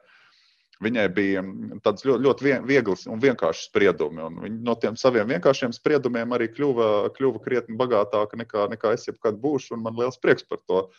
Viņai viens tas spriedums bija 90. gada sākumā. Viņa domāja, ka zeme, jebkur tuvu ap Rīgu šobrīd nemaksā neko. Bet kaut kad es esmu lasījusi grāmatās, ka vienmēr kā, nu, kapitālismā tā zeme, kas, kas ir tuvāk, tuvāk pilsētai, maksās kaut ko. Un toreiz viss tā kā ķiķināja un, un domāja, nu, ko viņi tur galīgi jocīgi kaut kāds zemes gabals ap, ap, ap Rīgu pērk. Nu, pēc tam viņai ļoti veiksmīgi īsi pirms, īs pirms krīzes sanāca viņus pārdot. Un līdzīgs viņai vienkārši spriedums bija. Viņa teica, man bērni visi ir apsēsti ar to Apple parādījās kaut kāds playerīts, tagad viņi kaut kādu telefonu ir palaiduši. Tas telefons tāds jocīgs, bet nu, visi tā kā apsēst. Es domāju, ka tur būs baigā lieta. Nu, atkal viņai bija kapitāla taisnība. Tā kā kādreiz jums tāda pārliecība, un jūs par to pārliecību stāvat un krītat, varbūt tās, tas, tas ir tas, ko ir vērts, vērts darīt. Bet, nu jā, arī neiekrist. Te man tad vēl viena grāmata, kas vairāk ir par to, ko nedarīt, saucās Muļķu zelts, Fool's Gold. Kaut kur uh, neskriet pakaļ tādām maldugunīm. Jo nu, tur, kur, tur, kur mēs redzam, ka cilvēki pērk Apple produktus, eh, jā, nu, tur tā nauda grozīsies un grozās. Un tur es reāli varu saprast, kāpēc tās to akciju vajadzēja pirms desmit gadiem pirkt. Bet eh, tas, tas muļķu zelts ir tur, kur tās ir maldugunis, kur teiksim, es, es pats nespēju saprast, kāpēc eh, bitkoins ir tik vērts, cik viņš ir. Bet es tomēr domāju, ka kad būs citi muļķi, es atvainojos, kas skraidīs un to, to atzīs par zeltu. Uh, Nu, tas, tas atkal ir kaut kas, no kā ir jāuzmanās, kur nespējam to loģisko ķēdīti iztaisīt, kāpēc cilvēki par to maksās un kas, kas tieši no tā ir. Vai tā ķēdīte ir tāda ezotēriska un tāda, tāda izdomāta, tad, tad ir tā ēnas puse. Tas ir tāds, nu, kas cilvēkiem no viduslaikiem raksturīgs, kur mēs zeltu, altīmiķi rada zeltu izkaut kur, bet, bet nekad jau viņš īsti zelts ilgtermiņā nav. Jo zelts ir zelts, bet, bet nu, citas lietas ir izdomas bieži. Mm -hmm, labi. Un uh, vēl viena daļa tam jautājumam bija, kā saprast, kas ir aktuālais šobrīd. Nu, es esmu arī lektors, bijis daudzus gadus ieguldījumu stratēģijā un finansēs un tā. Un, nu, aktuālais šobrīd atkal tas, tas stāsts par to Apple produktiem, ka mani bērni viņus lieto, tas arī ir tāds vislabāk raksturojošais. Jo, ja tu tādā matemātiskā analīzē saliec to, kas nosaka akciju cenas, nu, tas ir nekas, nekas sarežģītāks, nekas arī vienkāršāks par pieprasījumu pēc precēm un produktiem. Un tad, ja jūs spējat kaut kādus teiksim, tādus nu, trendus uh, pamanīt, uh, ieraudzīt, uh, tas, tas arī būs tā, tā zelta, zelta raktuve, kur kaut kāda pozitīva attīstība notiks. Nu, tā, tā kā skatīties kaut kādus savus teiksim, trendus, bet atkal ar domu, ka es varbūt kaut ko pamanu ātrāk, vai es kaut kur esmu gudrāks par kādu citu, jo tiešām ir drosme to individuālo akciju izvēlēties. Man tāda drosme nekad nav bijusi, tāpēc jā, riskantākais, ko es esmu pircis, ir uh, savas, da, sava darba devēja akcijas. Tāpēc, ka vismaz tur es saka, pazīstu, kā, ar ko tas bizness uh, griežās un ko viņš dara. Un tagad, ņemot vērā šī brīža situāciju, kara darbība, tai arī tur būs kaut kādas sekas, procesi, kas notiek pasaulē, no nu, ar to, ka diezgan stingri, teksim, forecast. Ne, es neteikšu, ka pareģo, jo pareģo, man liekas, no tādas ezotērikas ir bet nu, kā saka uz priekšu, ka uh, būs šīs finansiālais um, kaut kāds pārmetiens, kuru mēs negaidām. Uh, kas ir tās sfēras, kuras tu teiktu, uz šīm ir vērts paskatīties? Es neprasu no tevis garantiju, ka tās noteikti dos uh, ienākumus, bet ka tu teiktu, ka okay, tās ir vērts uh, nu, izsvērt. Nu, man personīgi liekas, ka uh, tas, kas attiecās uz uh, ilgspējīgu enerģiju, varētu būt viena no lietām. Uh, kas vēl? Un vispār, vai tas es... vispār ir tā, ja, jo tev audio neredzēs, ka tu pamāji ar galvu. Jā. Nē, es pilnīgi piekrītu par ilgspējīgu enerģiju. Man arī daudz, daudz draugu paziņas tur jau nezinu, gadu desmitiem kaut ko tur investē un skatās akcijās. Līdz šim viņi vidēji ir diezgan apdedzinājušies. Jo, nu, tā ir tā lielā lieta, par ko visi runā, bet īsti nauda tajā virzienā līdz šim tā baigi daudz nav gājusi. Eh, bet man liekas, ka, nu, tā kā tu saki, nu, varbūt tās tagad ir tas moments, tomēr gan dēļ eh, planētas glābšanas, eh, gan dēļ ģeopolitikas, ka tā nauda ies lielāka tajā virzienā un kaut kas tur sakustēsies un kaut kas tur notiks. Uh, par to, nu, bet pēc kara viss ir gudri, bet atkal par to, kur investēt, es pats sev teiksim, pārmetu, nu, vai, vai saku, vai tas nebija acīm redzami. Tad, kad karš sākās, akciju tirgus nokritās, bet viena, viena teiksim, indeksa vērtība ir ļoti strauji pieaugusi un diezgan skaidri viņa noturīgi paliks un, un, un turpinās būt liela. Un, tās ir Amerikas enerģētikas kompānijas, un tās ir militārās kompānijas. Visas Eiropā un visas Amerikā. Uh, Un tad arī tā vienmēr atskatoties, to ir vieglāk parādīt, nu, vai karam sākoties, eh, vai tā nebija skaidrs, ka tās ir tās nozares, kuras, kuras no kara, eh, nu, cīniski, bet kuras no kara iegūs un pelnīs vairāk. Jā, bija skaidrs. Kurš kaut ko darīja tajā sakarā, es nē.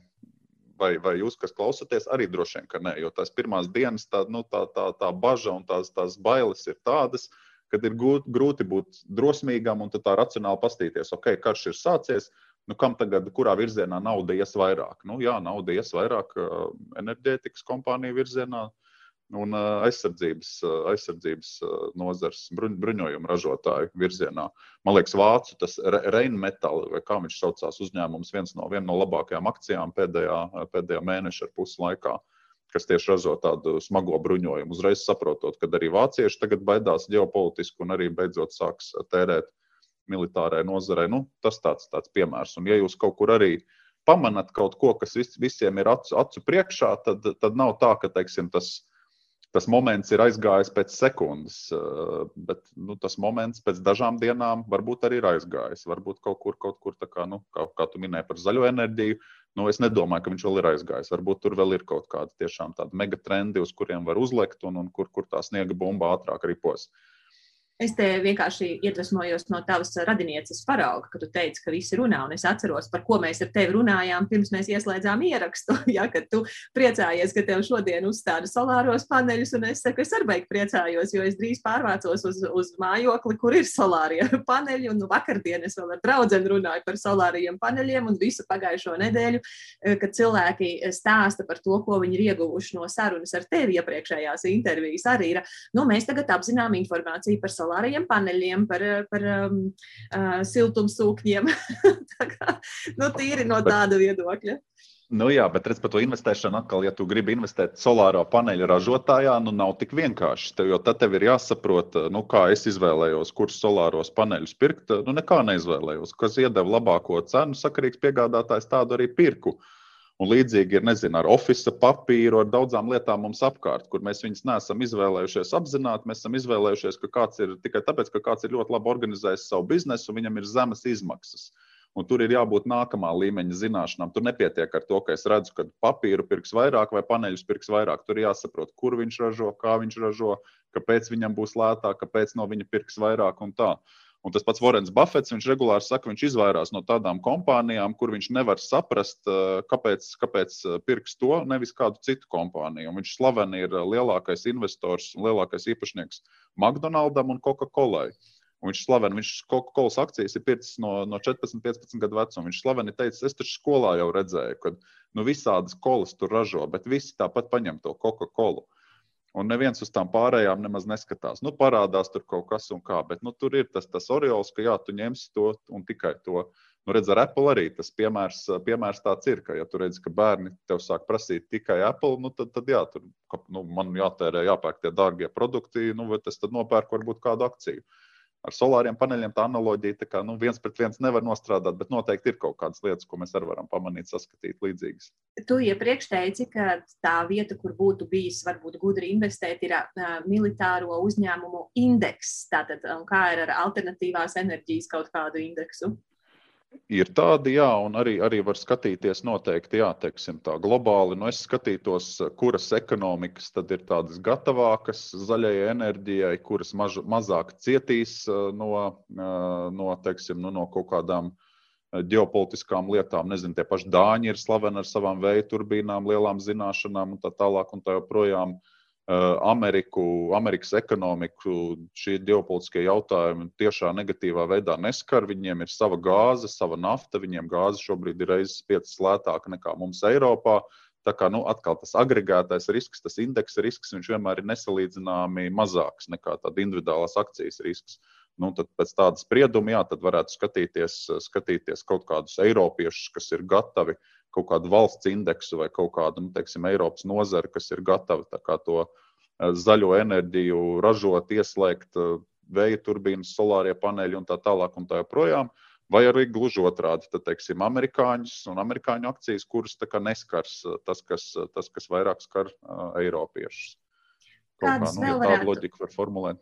Kādas vēl būtu tās industrijas? Nu, tiksim, tagad ļoti daudz raksta par to, nu, kā celsies pārtikas cenas, dēļ tā, ka Ukraina un Krievija ir šie lielie graudu ražotāji, kas nodrošina.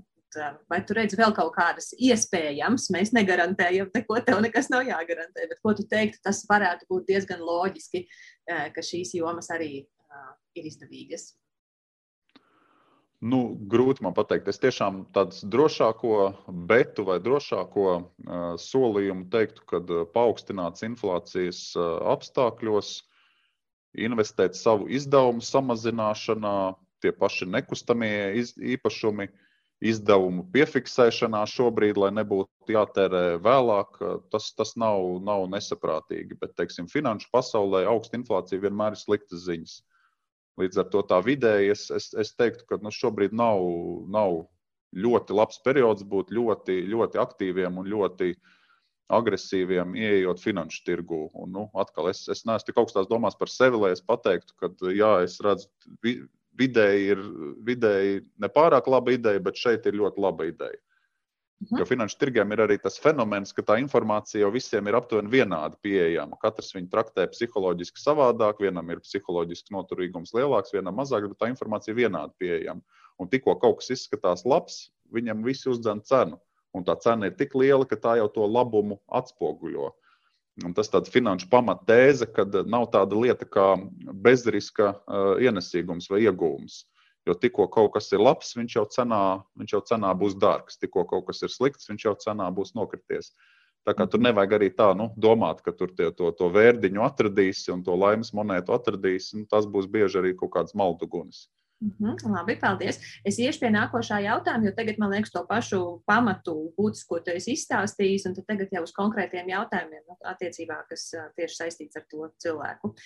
Cilvēks prasa, ja ir 30 tūkstoši, nekustamais īpašums nesenāk, bet investēt tagad nav labi, lai gan to daru Trading 212, jeb Trading 212 un International Brokers. Kas vēl būtu labs risinājums šajā situācijā? Un tātad, ko darīt ar tiem 30 tūkstošiem?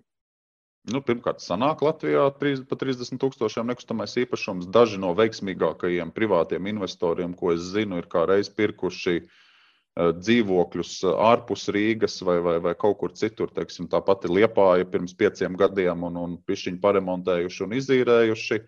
Un Cēsis tas, tas, kur Cēsis, Valmiera, Valmiera jau senāk bija dārgāka un tā. Uh, tur, tur it kā risks ir eh, lielāks, eh, jo tā nav Rīga. Drūzmēšanās tur ir mazāka, bet tas ienesīgums un tā atdeve, ja, ja jūs pamanāt, ka kaut kāda feina maģija sāk veidoties tajā vietā, tā, tā, tas ienesīgums ir lielāks. Nu, par tiem 30 tūkstošiem atkal es atvainojos, kā es kādreiz dusmīgi studentiem saku, ja es būtu tik gudrs, es varbūt sēdētu Bahamu salās ar pinakoladu. Nevis pasniegt lekcijas Latvijas Universitātē vai, vai Stokholmas School of Economics vai kur. Uh, Tā kā es noteikti neieteiktu, nu, vai nevaru, nevaru neko specifiski ieteikt, ko darīt. Nu, es varu ieteikt, ko nedarīt. Es droši vien nepirktu, nepirktu pa visiem 30 tūkstošiem tagad akcijas. Vēl mazāk es nepirktu pa visiem 30 tūkstošiem obligācijas. Bet, ja cilvēkam ir teiksim, nu, tāda smuka rezerve un tāda luksus problēma, nu, tad atkal punkts viens ir sanāk izmantot nodokļu efektu. Jā, obligāti. Punkts kas divi - sadalīt pa kas, mēnešiem. Kas obligāti? Ja obligāti investēt nodokļu. kaut ko tad investēt uh, kaut ko pamazām. Uh, nu, tad viņam ir teiksim, 30,000 eiro luksus problēma. Nu, līdz, uh, līdz 4,000 eiro gadā viņš tā kā mierīgi varētu izklausās, atļauties dažus gadus investēt. Nu, tad atrast kaut kādu indeksu plānu, nu, un tad jā, viņš pakritīs akciju cena nokritīs, tu kā būsi kaut ko zaudējis no tā, ko tu varbūt investēji, bet tad tu atkal kaut ko nopirksi lētāk. Un, nu, tad tu tad tu tos savus 30 tūkstošus, nu, cerams, varēsi pēc kaut kādiem desmit gadiem bišķiņu, bišķiņu pavairot. Bet nu, tas, tas nepareizais droši vien ir tāds kaut kādos tādos nu, radikālos lēmumos, ieiet tagad par 30 tūkstošiem pirkt bitkoinu. Tas būtu absolūts, man, manuprāt, nonsens. Par 30 tūkstošiem nopirkt vienu specifisku akciju. Galīgi dūli. Un vienā brīdī, tagad un tūlīt, arī par 30 tūkstošiem par to indeksu nopirkt, nopirkt nu, arī, manuprāt, pārāk riskanti. Tā kā atkal es labāk varu pateikt, ko nevajag darīt, ko darīt, tad jau būs tā teritorija sašaurināta, tad varbūt, varbūt cilvēks var izdomāt. Ar citu, Vorenam Buffetam viens arī ļoti labs ieteikums, un tas arī praksē pārbaudīts gan, gan uz mani, gan uz citiem. Uh, Vorens Buffets uh, slaveni saka, ka cilvēki aizmirst, ka bieži vislabākais, ko var darīt, ir nedarīt neko cilvēki aizmirst, ka bieži vislabākā investīcija, ko veikt, ir nedarīt neko, neinvestēt neko. Dostojevskis vienmēr teica, ka cilvēki aizmirst, ka labākais, ko pateikt, ir nepateikt neko. Un beigās, diemžēl, atbild un pasaka, un viss pateiks sliktāku. Ar investīcijām ir līdzīgi, ka bieži mēs, kā, nu, esot šausmīgā nemierā un, un bēgot, bēgot no inflācijas, mēs vēl uzskriesim kaut kam, kaut kam nepareizākam un dulākam. Tā kā, nu, bieži ir tie momenti, kur, kur, jā, kur ir jāsaka, Es neko prātīgu, sakarīgu nevaru izdomāt. Man nav pārliecība tagad par to, ko es darīšu. Man nav tā mana patiesība atrasta, un tad labākais, ko es varu darīt, ir nedarīt neko. Es vismaz vienu ļaunumu piedzīvoju, bet es sev neuztaisīšu vēl vienu ļaunumu. Tātad, bet tas attieksies tieši tajā gadījumā, ja cilvēks nav atradis kaut ko sev pietiekami jā, drošu, jā, sev jā, pietiekami jā. pieņemamu. Jā, no šīs summas um, vērtības krišanās inflācijas rezultātā viņš zaudēs, bet viņš vismaz būs sev pasargājis no iespējams krietni lielāka riska un krietni lielākiem zaudējumiem.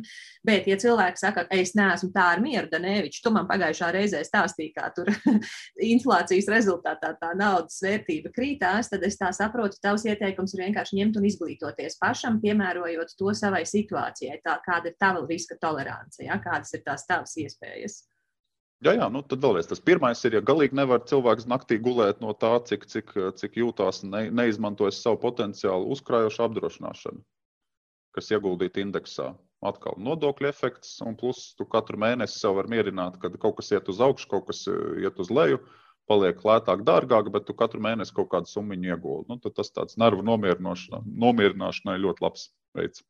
Mm, labi, paldies. Nākošais jautājums. Vai ir kādas grāmatas, kur var iegūt vairāk informāciju par finansējumu un to apgro, ap, apgrozīšanu? Tātad divas tu jau mums ieteici. Viens ir Vorena Buffeta sniega bumba, otrs bija Fools Gold. Kas tev vēl ir?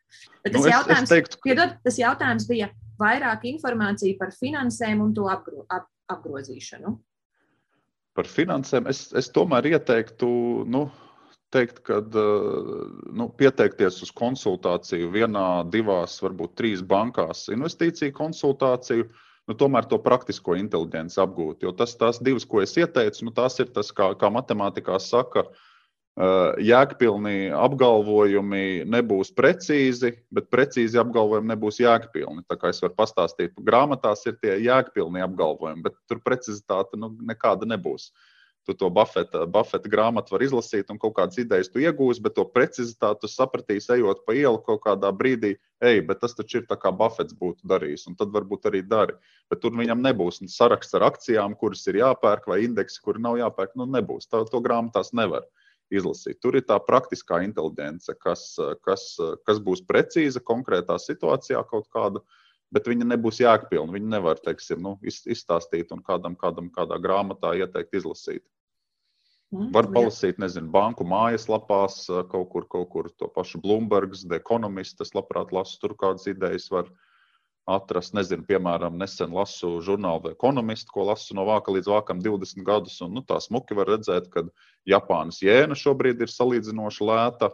Eh, un Japānas akciju indeks joprojām nav atkopies eh, pa pēdējiem 20 gadiem. Savukārt Japāņu kompānijas tur esošā ģeopolitikā sāk izskatīties bišķiņ pievilcīgākas un labāk, un Japāņi ir tie, kas kā sabiedrība vislabāk tiek pāri teiksim, nu, vecuma izaicinājumam, tur roboti jau cilvēkus tur apkopja un tā sabiedrība kolosāli tur attīstīta un tā.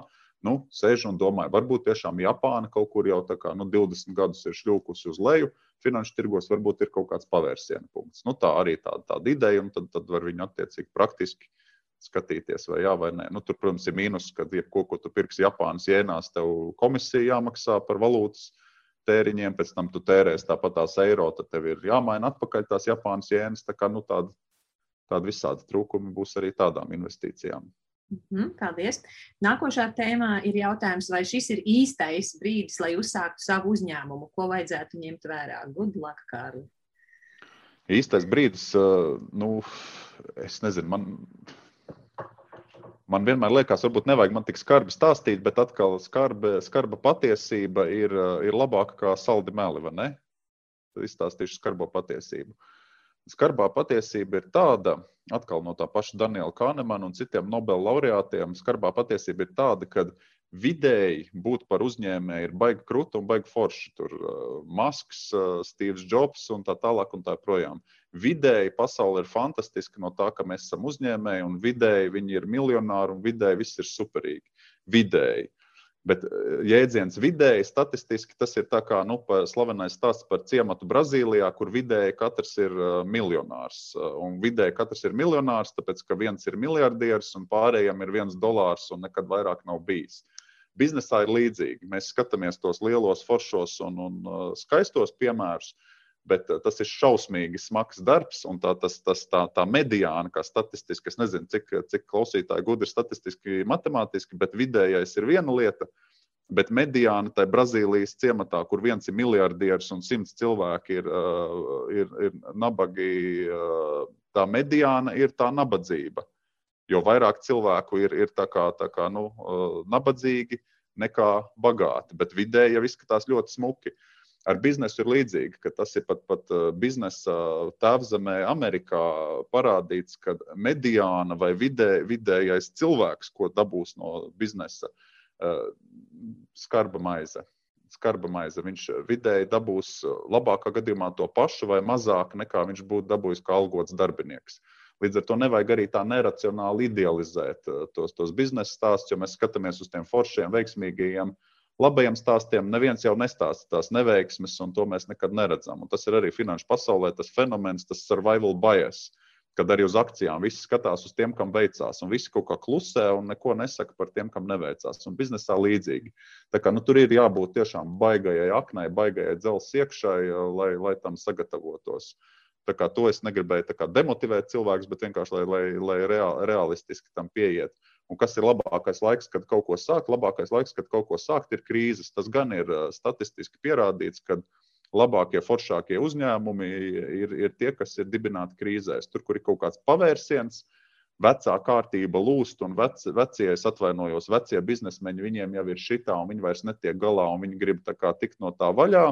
Un ir kāds jauns, entuziastisks, enerģisks, kurš redz, kur te būs pavērsiens uz augšu. Tā kā vienmēr grūtos apstākļos un vienmēr krīzēs ir, ir, ir vidēji pareizāks laiks sākt uh, uzņēmējdarbību. Bet vai vidēji ir forši būt uzņēmējam? Nu, nē, es, es, es viņus neapskaužu, jo es zinu, ka ir daži, kuriem iet forši, bet ir vēl vairāk, kam, kam ir gana, gana smagi, un tā vienmēr ir skarba maize. Un būt par algotu darbinieku arī nav nekas slikts un nekāds, nekāds negods. Bet, nu, protams, pasauli dzen uz priekšu uzņēmējdarbības gars, un, un, un tas ir pasaulē vidēji vajadzīgs. Bet priekš viņiem pašiem nu, nav tāda ļoti apskaužama lieta ko no malas apskaust vajadzētu. Tas ir līdzīgi tieši tāpatās kā ar tām finansēm un finanšu investīcijām. Tas, ko tu teici, ir jāpazīst sevi, ir jāzina sava riska tolerants. Man liekas, ka ļoti tieši tādu pašu attieksmi vajag arī e, tā iziet tādu auditu pašam sev cauri, pirms e, pieņemt lēmumu par uzņēmējdarbības sākšanu. Nu, tieši tā. Okay. Tā nākošais. Vai šobrīd ir labs laiks, lai iegādātos automašīnu līzingā? Nu, tad pamat patiesība tas ir no tādas atkal primitīvas grāmatas, bagātais teica, nabaga teica, mašīna nav ieguldījums, mašīna ir izdevums. Tā kā vienkārši nu, saucat lietas pareizās, pareizos vārdos, un jūs pieņemsiet pareizāku lēmumu. Nemelojiet, ka mašīna ir eh, investīcija. Sākat ar to, un tad, jau, tad jau labāk varēs izdomāt. Bet vai mašīnām, teiksim, cenas, vai mašīnām cenas eh, kritīsies, un tagad būs totāli stulbi nopirkt mašīnu, ja tiešām, tiešām viņu vajag, Nē, es nedomāju, ka mašīnām cenas kritīsies. Metāla cenas uh, iet uh, kosmosā. Uh, izrādās pat bravūrīgie vācu autoražotāji secina, ka viņiem atkarība no, no Ukrainas kaut kādām piegādēm un nemaz ne par Krieviju nemaz nerunājot. Tā kā, tā kā nu, tā sagaidīt, ka tagad mēs nopirksim mašīnu un tas būs šausmīgi dārgi un pēc tam viņš būs divreiz lētāks. Nē. Bet jāpērk ir tikai tad, ja vajag. Uh, Un tikai tad, ja teiksim, tiešām nu, tas labākais pirkums ir tas, ka jūs varat sataisīt biznesa keisu, ko veco mašīnu es remontēju tik bieži, un man tas tik daudz nervus tur, tur iznīcina, kad, kad varbūt vairs nav jēga, un redz ar jaunu, tad es tur piecus gadus nesatraukšos, un tā saliekat Excelā, sarēķināt, un ja, ja tur tā kā ir tā pārliecība, tad veicat šo tēriņu. Nevis investīciju, bet veicat šo tēriņu, lai mazinātu citus tēriņus.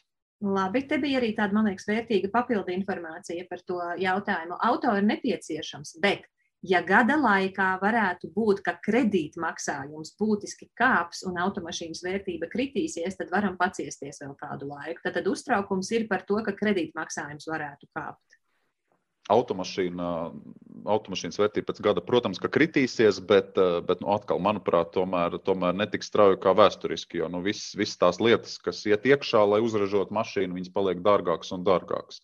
Kredīta maksājums nē, noteikti gadu laikā būtiski nekāps. Tas ir tā, es domāju, diezgan eh, skaidra centrālo banku izvēle, kur it kā vajadzētu procentu likmes strauji celt, lai mazinātu inflāciju. Uh, Bet, eh, bet, bet nē, nu, atkal es tā varbūt ciniski kā finansists teikšu, ka, ja tu strādā pa centrālo banķieru, tad tev tā izvēle ir atbalstīt taupītājus un nodzēst inflāciju par jebkādu cenu, pat ja bezdarbs ir liels, eh, vai sodīt taupītājus, lai inflācija viņiem to sataupīto bišķiņu nokausē eh, un necelt procentu likmes, lai tik bezdarbs nepieaugtu un lai tik tādam vidē, vidējam cilvēkam būtu, būtu labāk.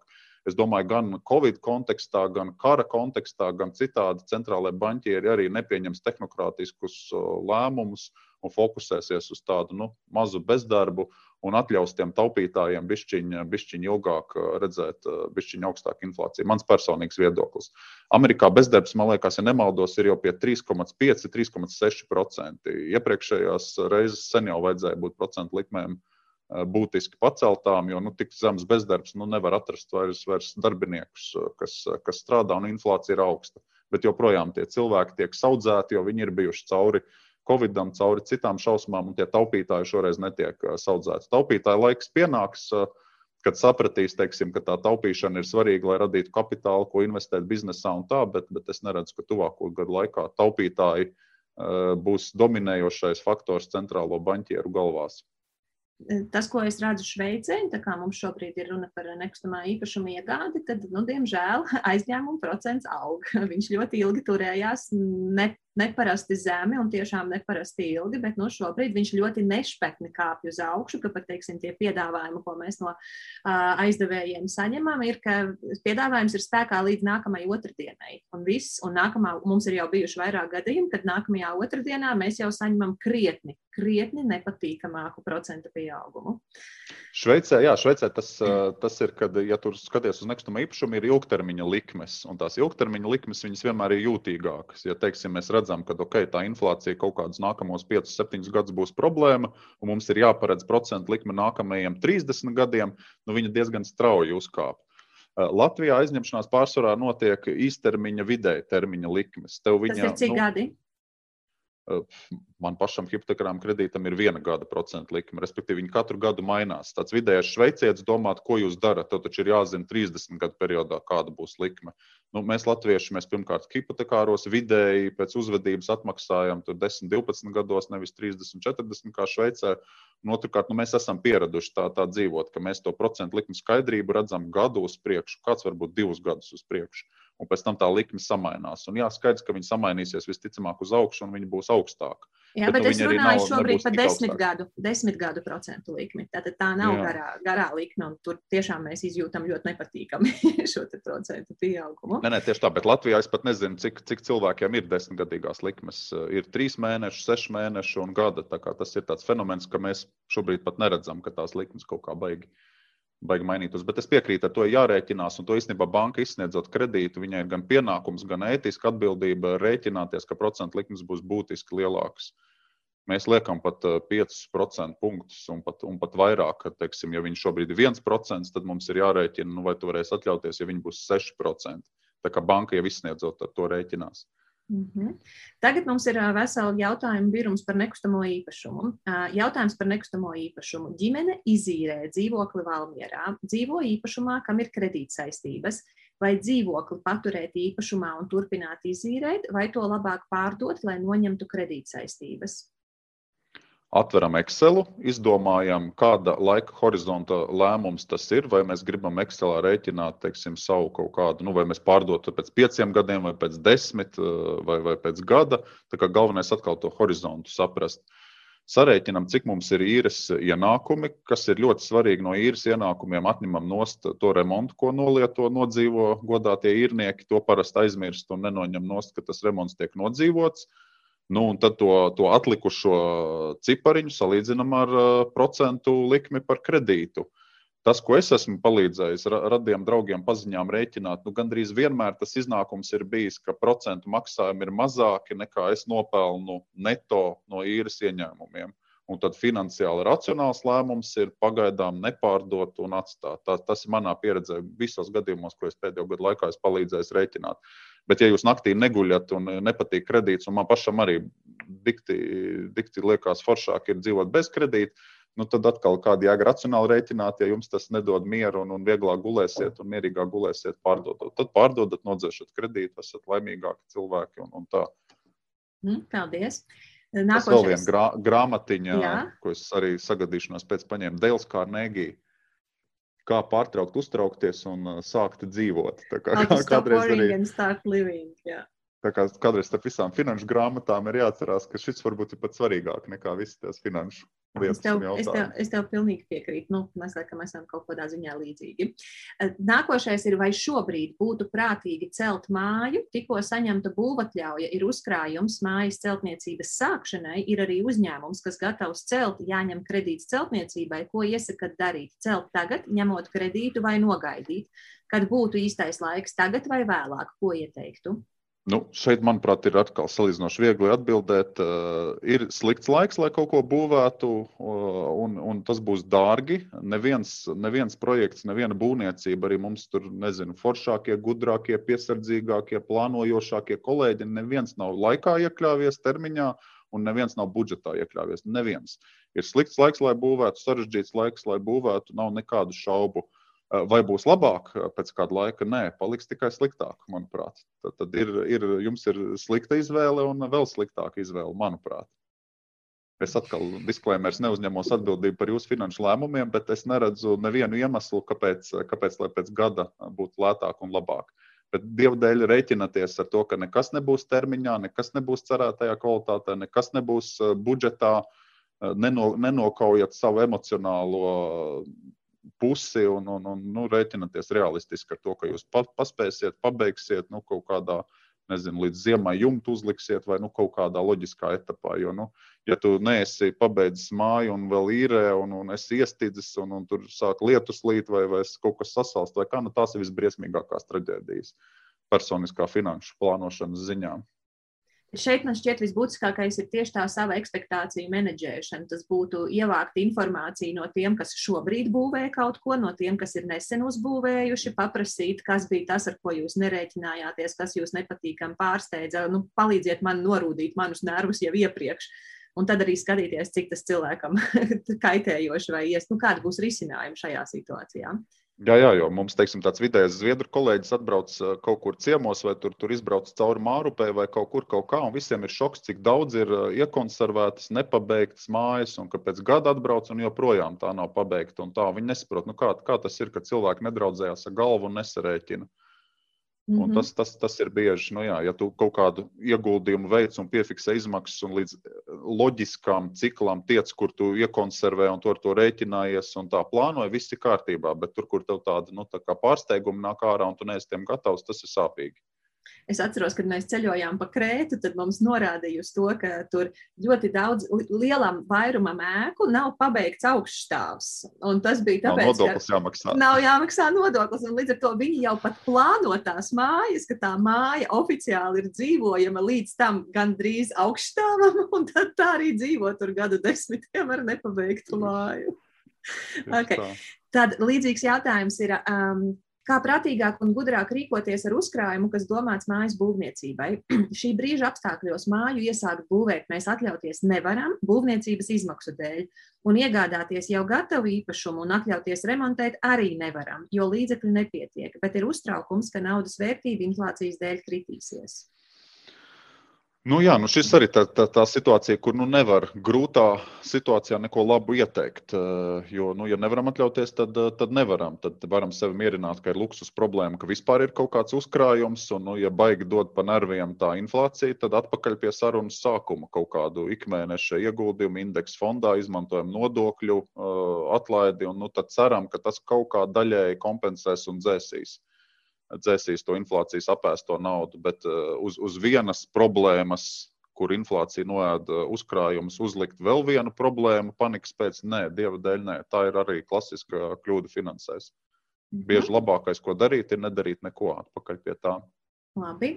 Man ir luksusa problēma. Esmu uzkrājis Covid laikā gana lielu summu, lai iegādātos nekustamo īpašumu ar pirmo iemaksu 20 līdz 30% apmērā īpašumam ap 100 tūkstošu vērtībā.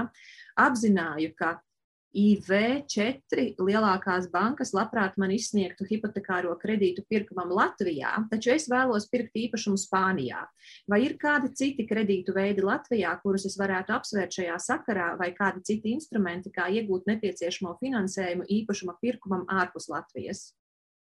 Jā, šis arī paliek biežs jautājums. Es, kad es dzīvoju, strādāju Zviedrijā, es brīnījos, nu kā tā, ka katram trešajam zviedram ir kaut kāds īpašums tur Spānijā vai kaut kur. Nu, tāds nu, ma mazs dzīvoklīts un, un, un lētāks kā Stokholmā krietni un tā, bet nu, beidzot latviešiem arī šādi jautājumi parādās. Pirmais, atkal attaisam Excelu, sarēķinam total cost of ownership, ko vienmēr finansēs. Saka, tev ir jāizrēķina, nu, cik tev izmaksās tas, ka tev būs īpašumā tas dzīvoklis Spānijā. Uh, Jo atkal, nu, neejot detaļās, tā ir pamatpatiesība, ka Spānijā ir liels uh, bezdarbs, ir daudz nekustamie īpašumi, jaunieši manto no vecākiem uh, īpašumus un liek Airbnb.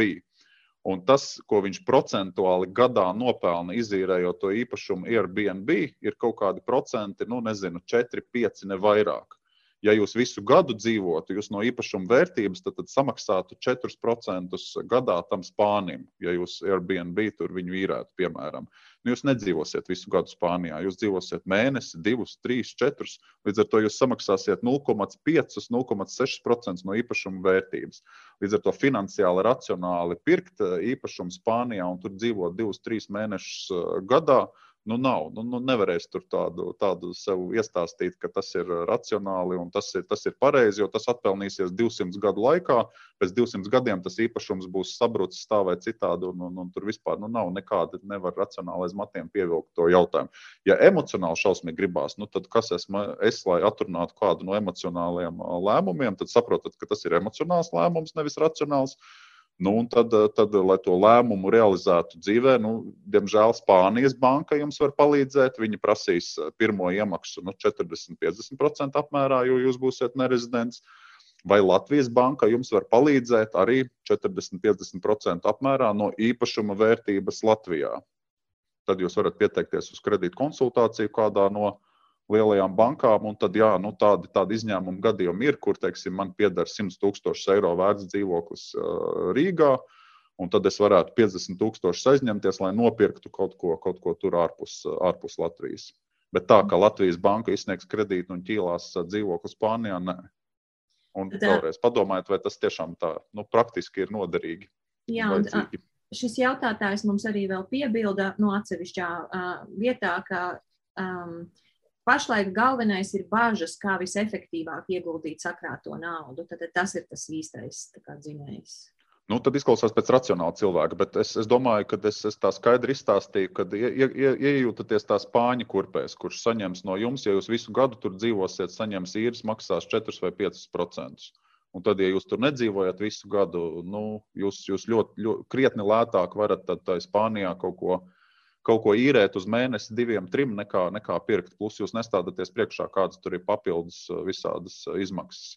Zviedru kolēģi, kas teiksim, tāda nu, ra racionālāk ir kaut kādas modeļus atraduši, kur ir kāds īpašums ārzemēs, viņi dala pa ģimenēm.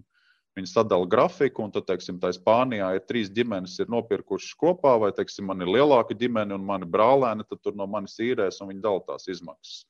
Sosbērnu ciematā pārējiem senatoriem, kas ir, kas ir vecās Eiropas pārstāvi, krietni turīgāk par mani arī ir līdzīgi. Ir tur īpašumi visādās, tur Itālijas vai vēl vis kaut kur malās, bet arī viņi dala. Viņi bagāti cilvēki, viņi bez kredītiem ir, bet arī viņi dala un arī viņi tur izīrē draugiem, paziņām. Un, un tad, ja sataisa tādu re, realistisku plānu, nu, kā itāļu viena dāma, kas mums senatori ir, ir nu, viņai visu, kā jau itāļiem plašo ģimeni, tur ir grafiks, kad paliek ģimene, kad var kāds cits palikt. Nu, tad, tad var būt, bet tā, ka jūs tur viens braucat uz svešu zemi un, un pērkat, es nedaudz skeptisks esmu. Uh mhm. -huh.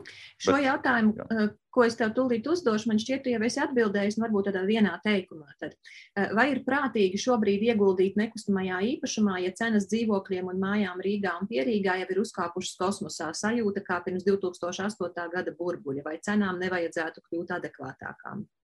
Nepareiza sajūta, emocionāla sajūta, kolektīvās zemapziņas radīta sajūta. Man liekas, mēs jau izrunājām. Nav, nav racionālu argumentu, kas to sajūtu apstiprinātu, bet nu, sajūta ir sajūta. Sajūtas varbūt pat ir svarīgākas nekā racionāli argumenti. Tā kā iet pret sajūtām, varbūt tā baigā arī nevajag, tad jutīsieties slikti. Mm -hmm, paldies. Kāda varētu būt banku politika, ja esmu nopirkusi vienīgo mājokli kredītā Nordea, tagad DNB, uz 30 gadiem, esmu atmaksājis jau 12 gadus, un rodas situācija, ka dēļ inflācijas un cenu pieauguma nespēja nomaksāt kredītu. Vai šādā situācijā banku rīcība būs vispārējā kārtībā, to, vai tomēr ir kādas cerības uz citiem risinājumiem, kā bankas šādos apstākļos rīkojas?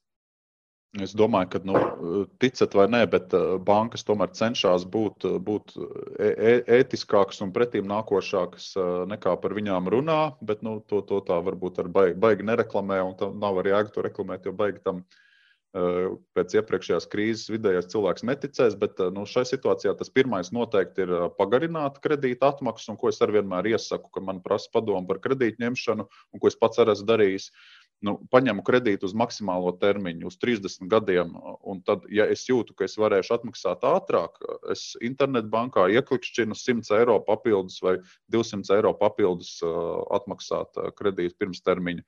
Eiropas Savienība dod jums tādas tiesības pirms termiņa bez nekādām sekām atmaksāt, bet vienmēr neturēt sevi stresā, vienmēr turēt tādu garāku uh, sākotnējo atmaksas termiņu, un, ja iet labāk un jūtaties labāk un uzkrājās tur 200 eiro, nu, atmaksājiet viņu uh, ātrāk, bet neliekat sev tādu nu, žņaugu, ka jums katru mēnesi ir jādomā, jādomā vai, vai, vai varēs, varēs nu, nezinu, pārtiku nopirkt vai kā.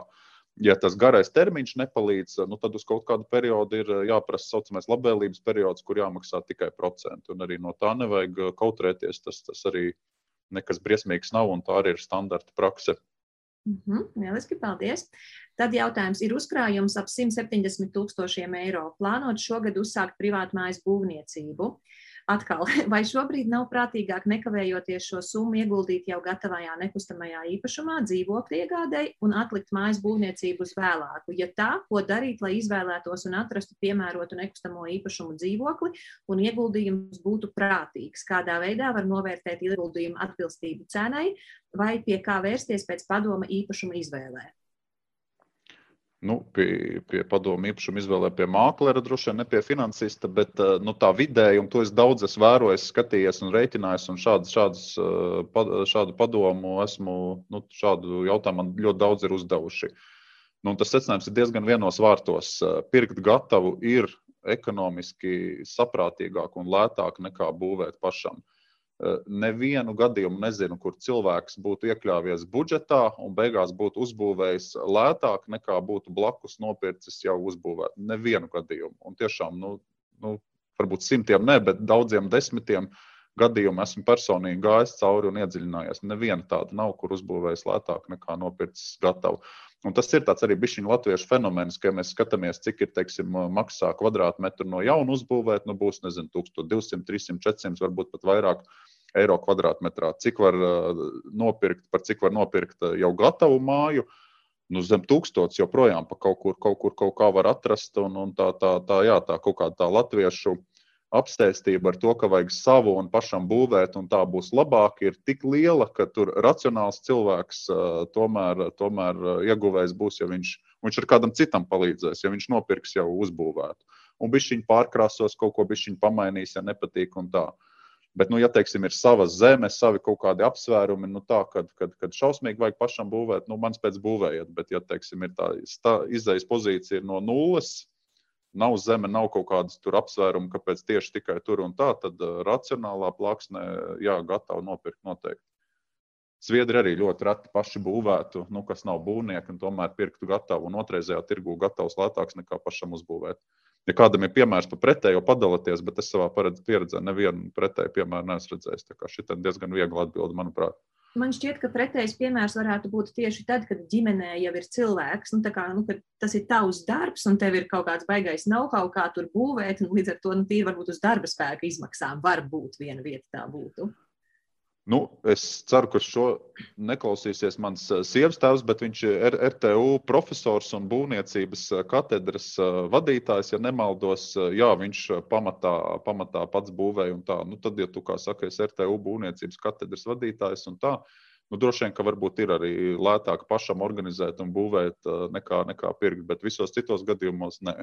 Nav pirmā reize gan šajā karā, gan jau kopš Covid sākuma 2020. gada martā, kad dzirdu aicinājumu gan no finanšu speciālistiem, gan vienkārši cilvēkiem nepērciet kleitas, bez kleitas var iztikt. Ziniet, man un manai un manu bērnu izdzīvošanai vajag, lai pasūta, nopērk apmēram 15-20 kleitas pēdiņās, jo tās ir arī jakas, svārki, džemperi. Šis nav pārmetums, drīzāk manas pārdomas par tēmu jā, nē, komentārs vietā. Tas, tas ir tā, tā, tā ekonomikas maģija, jau ir, ja mēs visi tomēr viens no otra kaut ko pērkam un kaut ko darām. Tā kā, tā kā, jā. Komentārs vietā, tie, tie, tie ieteikumi mani ir tādi nu, sautīgi un finansiāli egoistiski. To es saprotu. Bet tādi, tādi tie jautājumi, tā kā, nu, man kā finansistam, laikam tiek virzīti. Bet tāds sabiedrības kopējais labums, protams, ir, ir nu, tikpat svarīgs un vēl svarīgāks. Man šķiet, ka arī šajā gadījumā kleitas, jakas vai džemperi vai kas nu tur tiek ražot, arī ir, ir tādi apģērba gabali, ko cilvēks pirks pat tad, kad ir grūtie laiki. Nu, tad, man liekas, vairāk ir jāstāsta tieši pēc tendencēm. Un otrs jautājums ne, un, šeit bija. Tiem, kam, tur piebildi, tiem, kam ir nauda, nu, to es arī es teicu, tas jaukākais, ko tu vari izdarīt un ko es pats esmu darījis, nu, tad tev ir, tev ir iespēja kādu, kādu lietu no kāda amatnieka nopirkt. Uh, Tev ir iespēja savā mežā, nezinu, krūmus iztīrīt, malku izzāģēt, saskaldīt. Tā, kā, tā, kā, nu, tā, ir, tā, ir, tā ir lieta, kur, kur, jā, kur, kur noteikti, noteikti ir, ir katram tāda atbildība arī nu, parūpējoties par sevi, parūpēties par kādu citu un vēlams parūpēties par kādu citu, kas ir šeit, šeit pat un šajā valstī un šajā sabiedrībā. Uh -huh. Un otrā jautājuma daļa, man liekas, ir tāda, ko tu jau atbildēji iepriekšējā reizē, bet, ej, nu, sazini. Uh, visi ieteiktie taupības pasākumi ir super, tas droši vien no iepriekšējās intervijas, bet sajūtu, ka pamatā orientēti uz mājokļu īpašniekiem, ne, ne īrniekiem. Protams, var jau ieteikt meklēt citu māju, tomēr tas ir viegli tikai idejiski. Priecāšos dzirdēt kādas pārdomātas maisaimniecības ekonomikas ieteikumu dzīvokļa īrniekam Rīgā ar maziem bērniem bez personīgā transporta, bez omītas laukos? Nu, jā, kā jau teicu, sākumā nu, ir situācijas, kur tiešām nu, nevar neko, neko ieteikt. Tāpat kā aizejot pie ārsta, jums nevar, nevar ieteikt, nu, ārsts nevar ieteikt, ko darīt, un viss pēkšņi būs labi. Tāpat tās ir tādas finanšu situācijas, kur nav tāda labā, labā uh, ieteikuma. Uh, par to negatīvo spirāli, kur, kur mēs īrējam un tāpēc, tāpēc maksājam daudz īrē un nevaram nopirkt eh, no tās negatīvās spirāles, ir grūti izkāpt. Eh, vienīgais mierinājums, ka Latvijā ir nedaudz uh, mazāk grūti izkāpt kā gandrīz jebkurā citā pasaules valstī, pateicoties Altuma programmām, kas kā reiz man ir bijis tas gods arī līdzstāvēt tā, tā izstrādē un dizainēšanai, kas kā reiz uh, pozitīvi diskriminē ģimenes ar bērniem. Tā kā, ja ir, ja ir bērni, tad teiksim, tas valsts atbalsts saņemt atbalstu pirmajai iemaksai garantijas formā ir lielāks. Bet jā, vēlreiz tā ir liela problēma visās valstīs, kur, kur tā ir tā negatīvā spirāli, kur īrējot nevar iekrāt pirmā iemaksai un tad ir jāīrē tas, tas ir smagi un sarežģīti, bet, bet nu jā, ja ir iespēja teiksim, to altumu atbalstu pastīties, tas varbūt ir vienīgais mierinājums tajā situācijā. Mm -hmm, labi. Tālāk, praktiski ieteikumi, piemēri, varbūt konkrētas aplikācijas ģimenes budžeta veidošanai, kā plānot tekošos izdevumus, kaut vai komunālos maksājumus pie inflācijas, un kā aprēķināt neparedzamos izdevumus, lai neiebrauktu mīnusos. Pārtikas, pārtikas iepirkumos man savulaik ir palīdzējis nedēļas limits skaidrā naudā, taču grūtības sagādā bezskaidras naudas maksājuma kontrole. Nu, es nezinu, ir finanšu iestādes un bankas, kam ir visādi plānotāji, bet man jau liekas, ka nu, nav, nav tās, tā finanšu situācija tik sarežģīta vienai privātpersonai, lai tur nevarētu uz lapiņas ar, ar pildspalvu sarakstīt. Es pats sev esmu uz lapiņas tiešām ar pildspalvu rakstījis, skatījies vai kaut kā Excelā saliekot. Uh, Jo nu, tev vispirms ir jāapzinās tā sava realitāte, un nu, tad galvenais jau nav, nav plānošana vai realitātes pamanīšana. Galvenais ir, vai tu kaut ko vari darīt, un vai tu kaut ko dari tajā sakarā. Tā mana pieredze ir, ka parasti cilvēki kaut kādu mēnesi paplāno, pēc tam padodas un kaut kā zaudē to, to jēgu un to vēlmi. Tā kā nu, kāds tā ļoti, ļoti pie tā pieturās, es, es neesmu redzējis, bet es ceru, ka man ir nepareiza. Ne nepareizi izlasa. Varbūt cilvēkiem vairāk ir teiksim, tā, tā problēma nepaskatīties plašāk, ka teiksim, tā ikdienas plānošanā tu nepamani, ka tu par elektrību maksā 17 eiro mēnesī un neliekās tik briesmīgi. Bet tu nepamani, ka, ja tev ir teiksim, trešdaļa ir kvēls puldzes vai halogēnas puldzes mājā, nu nomaini viņas pret lediņiem. Tu nākamo mēnesi maksās nevis 17 eiro, bet tu maksās 14 eiro. Un tās spuldzītes tev būs atmaksājušās gadā, gadā ar pusi. Tā kā tā, nu, zoom out un paskatīties, kad ir kaut kāda lieta, ko tu no tās plānošanas izdarot citādāk, vari pēc tam ieraudzīt citus ciparus. Varbūt tas tāds. Jā, es tev piekrītu. Es piekrītu, ka galvenais ir tieši tas konsekventums, jo manas un mana vīra lielākās kļūdas ar, ar, ar izdevumiem ir bijušas tieši tad, kad mēs esam palaidušies ar izdevumu uzskaiti, gaidot uz maģisko kaut kādu super mums piemēroto aplikāciju. Un, lai vai cik mēs esam aplikācijas izmēģinājuši, tomēr vislabākais mūsu ģimenē tieši pārskatāmības ziņā ir Excel. patīk, nepatīk Excel un viss. Nezinu, ko tu par šo teiksi, bet kā kriptovalūtas ietekmēs inflāciju un citi šī brīža faktori faktori? Nav, nav viedokļa. Es šo grāmatu aizdodu tiem, kas ļoti daudz par kriptovalūtām runā un satraucās. Man nav, Tātad nav muļķu zelta, muļ, muļķu zelta atkal. Ja? Es negribu tik rupi varbūt teikt par konkrēto situāciju, bet, bet, bet jā, tas, tas, tas nav kaut kas, kas ir racionāli analizējams. Tas ir tāds e, emo, emocijas un nepamatot emociju analizēšana. Vai ies uz augšu, vai ies uz leju, vai ietekmēs vai neietekmēs, nav viedokļa. Jā, tad jautājums par to, kur ieguldīt naudu ilgtermiņā, to man šķiet, tu jau atbildēji. Varbūt ir vēl kas, ko tu gribi piebilst. Nē, es domāju, tas jā, to mēs izrunājām. To mēs atbildējām. Tad, vai šobrīd būtu vērts investēt zeltā un cik ilgs ir periods, kurā tas atmaksājas? Nu, tad eh, zeltā. Kā tieši zelts jums atmaksā kaut ko? Viņš procentus jums ienes vai viņš jums ko, ko, ko tieši dod?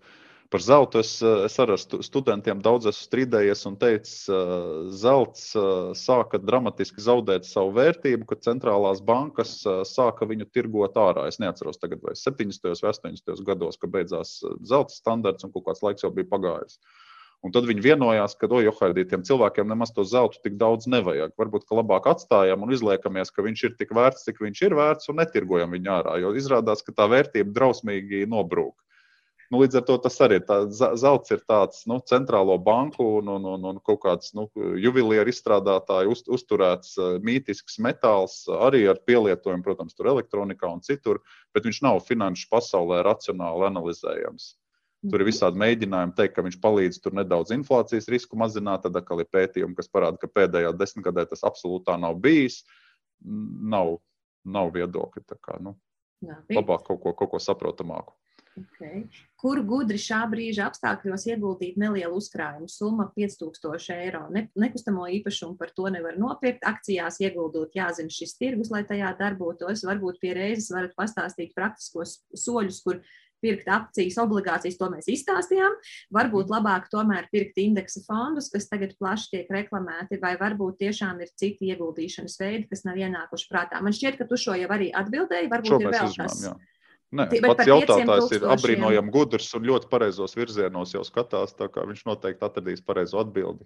Es pieņemu no, no tevis iepriekš teiktā, vislabākais ir konsultācija ar bankas, vairākām bankām. Jā, un es sadalīju tos 5000, lai nav tā, ka es tajās amerikāņu kalniņos piesprādzējos ar visiem 5000 kabatā un tagad aizies tas uz leju vagonīšu. Tad labāk es tur būšu 500 tagad, ieguldījis 500 pēc mēneša, nu kaut kā tā.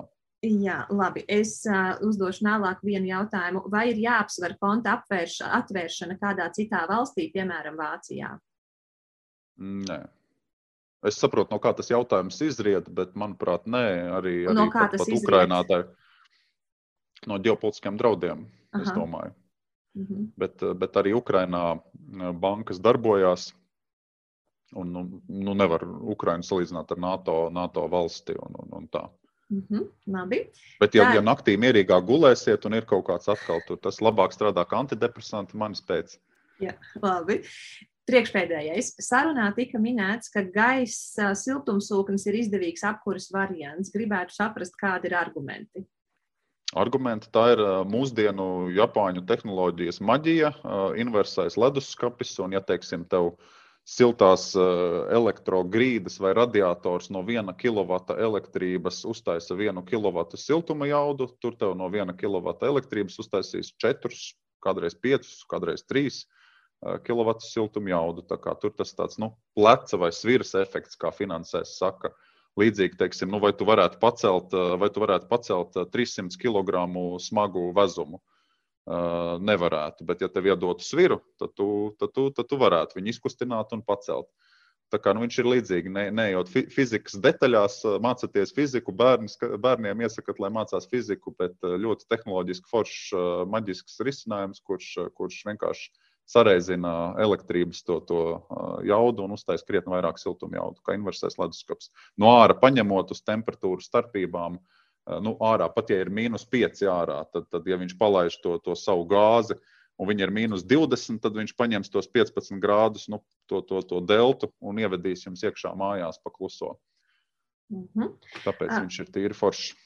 Pēdējo jautājumu es nezinu, vai tas uz tevi attiecas, bet nu, praktiski varbūt ne tik populāri novazāti ieteikumi, kā tikt pie darba tiem, kam pāri 50. Tas ir sāpīgs jautājums, un to es arī vienmēr esmu domājis, kāpēc mēs uh, tik maz uh, novērtējam cilvēkus ar, ar pieredzi, un, un, un kaut, kur, kaut kur ir kaut kāds tāds jaunības kults. Un tā ir jaunas valsts problēma, jaunas valsts izaicinājums, un ir grūti pret tādu atkal tādu kolektīvo stulbumu šajā gadījumā iet. Bet ir arī ļoti daudz foršu piemēru. Es redzu, kur cilvēki pārkvalificējās. Man, teiksim, kas ir kolosāli gudri, forši bijušie kolēģi, nu, tādi spilgtākie piemēri, kas nevarēja to jaunības kultu un to, to ātrumu vai kaut ko tur turēt finanšu pasaulē. Viņa aizgāja uz akadēmisko pasauli, viņa aizgāja uz valsts iestādēm dažādās pozīcijās. Un tas ir faktiski gan, gan sākot ar IT darbiniekiem, beidzot ar nezinu, filiāles vadītājiem vai to vai šito. Tā kā nu, no jebkā tas cilvēks, cilvēks pārkvalificējās un, un, un aizgāja, aizgāja kaut kur citur. Tā kā, nu, kādreiz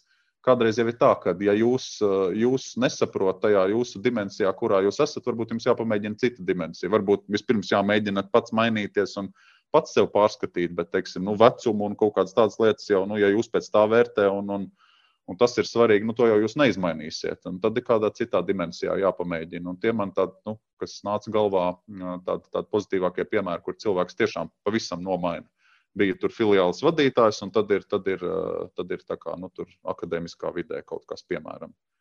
Vai valsts iestādē bija IT darbinieks bankā, un tad ir IT darbinieks valsts iestādē. Piemēram tā vērtība, ko tu iedari šīs sarunas laikā, ir vienkārši kolosāla. Un, ja kāds saka, ka viņam tur nav vērtības, tad tas ir vai nu ļoti jau gudrs cilvēks, nu ļoti avansēti izglītots, vai arī tas ir vienkārši iedomīgs cilvēks, kurš zinu, zinu, bet diez vai, diez vai ka dara. Es ļoti aicinu katru mūsu klausītāju, skatītāju, ja tev arī šī saruna bija vērtīga, lūdzu, noziedo kaut kādu summu savus bērnu ciematiem un reāli atbalstam tos bērnus, kuriem dzīvē reāli nav paveicies, un arī ļaujam savus bērnu ciematiem darīt vēl vairāk laba darba, jo viņi šobrīd uzņem arī bērnus no Ukrainas. Tā kā paldies iepriekš jau liels katram, kurš to izvēlēsies izdarīt, un saite, kā to izdarīt, ir ielikta pie šīs intervijas tajā platformā, kur tu to skaties, vai nu kā minimums sociālajos mēdījos, tur, kur šo sarunu mēs noreklamējam. Kā liels tev paldies! Patiešām no visas. Milzīgs tev paldies par labo sirdi un par visu mīļš, mīļš, paldies!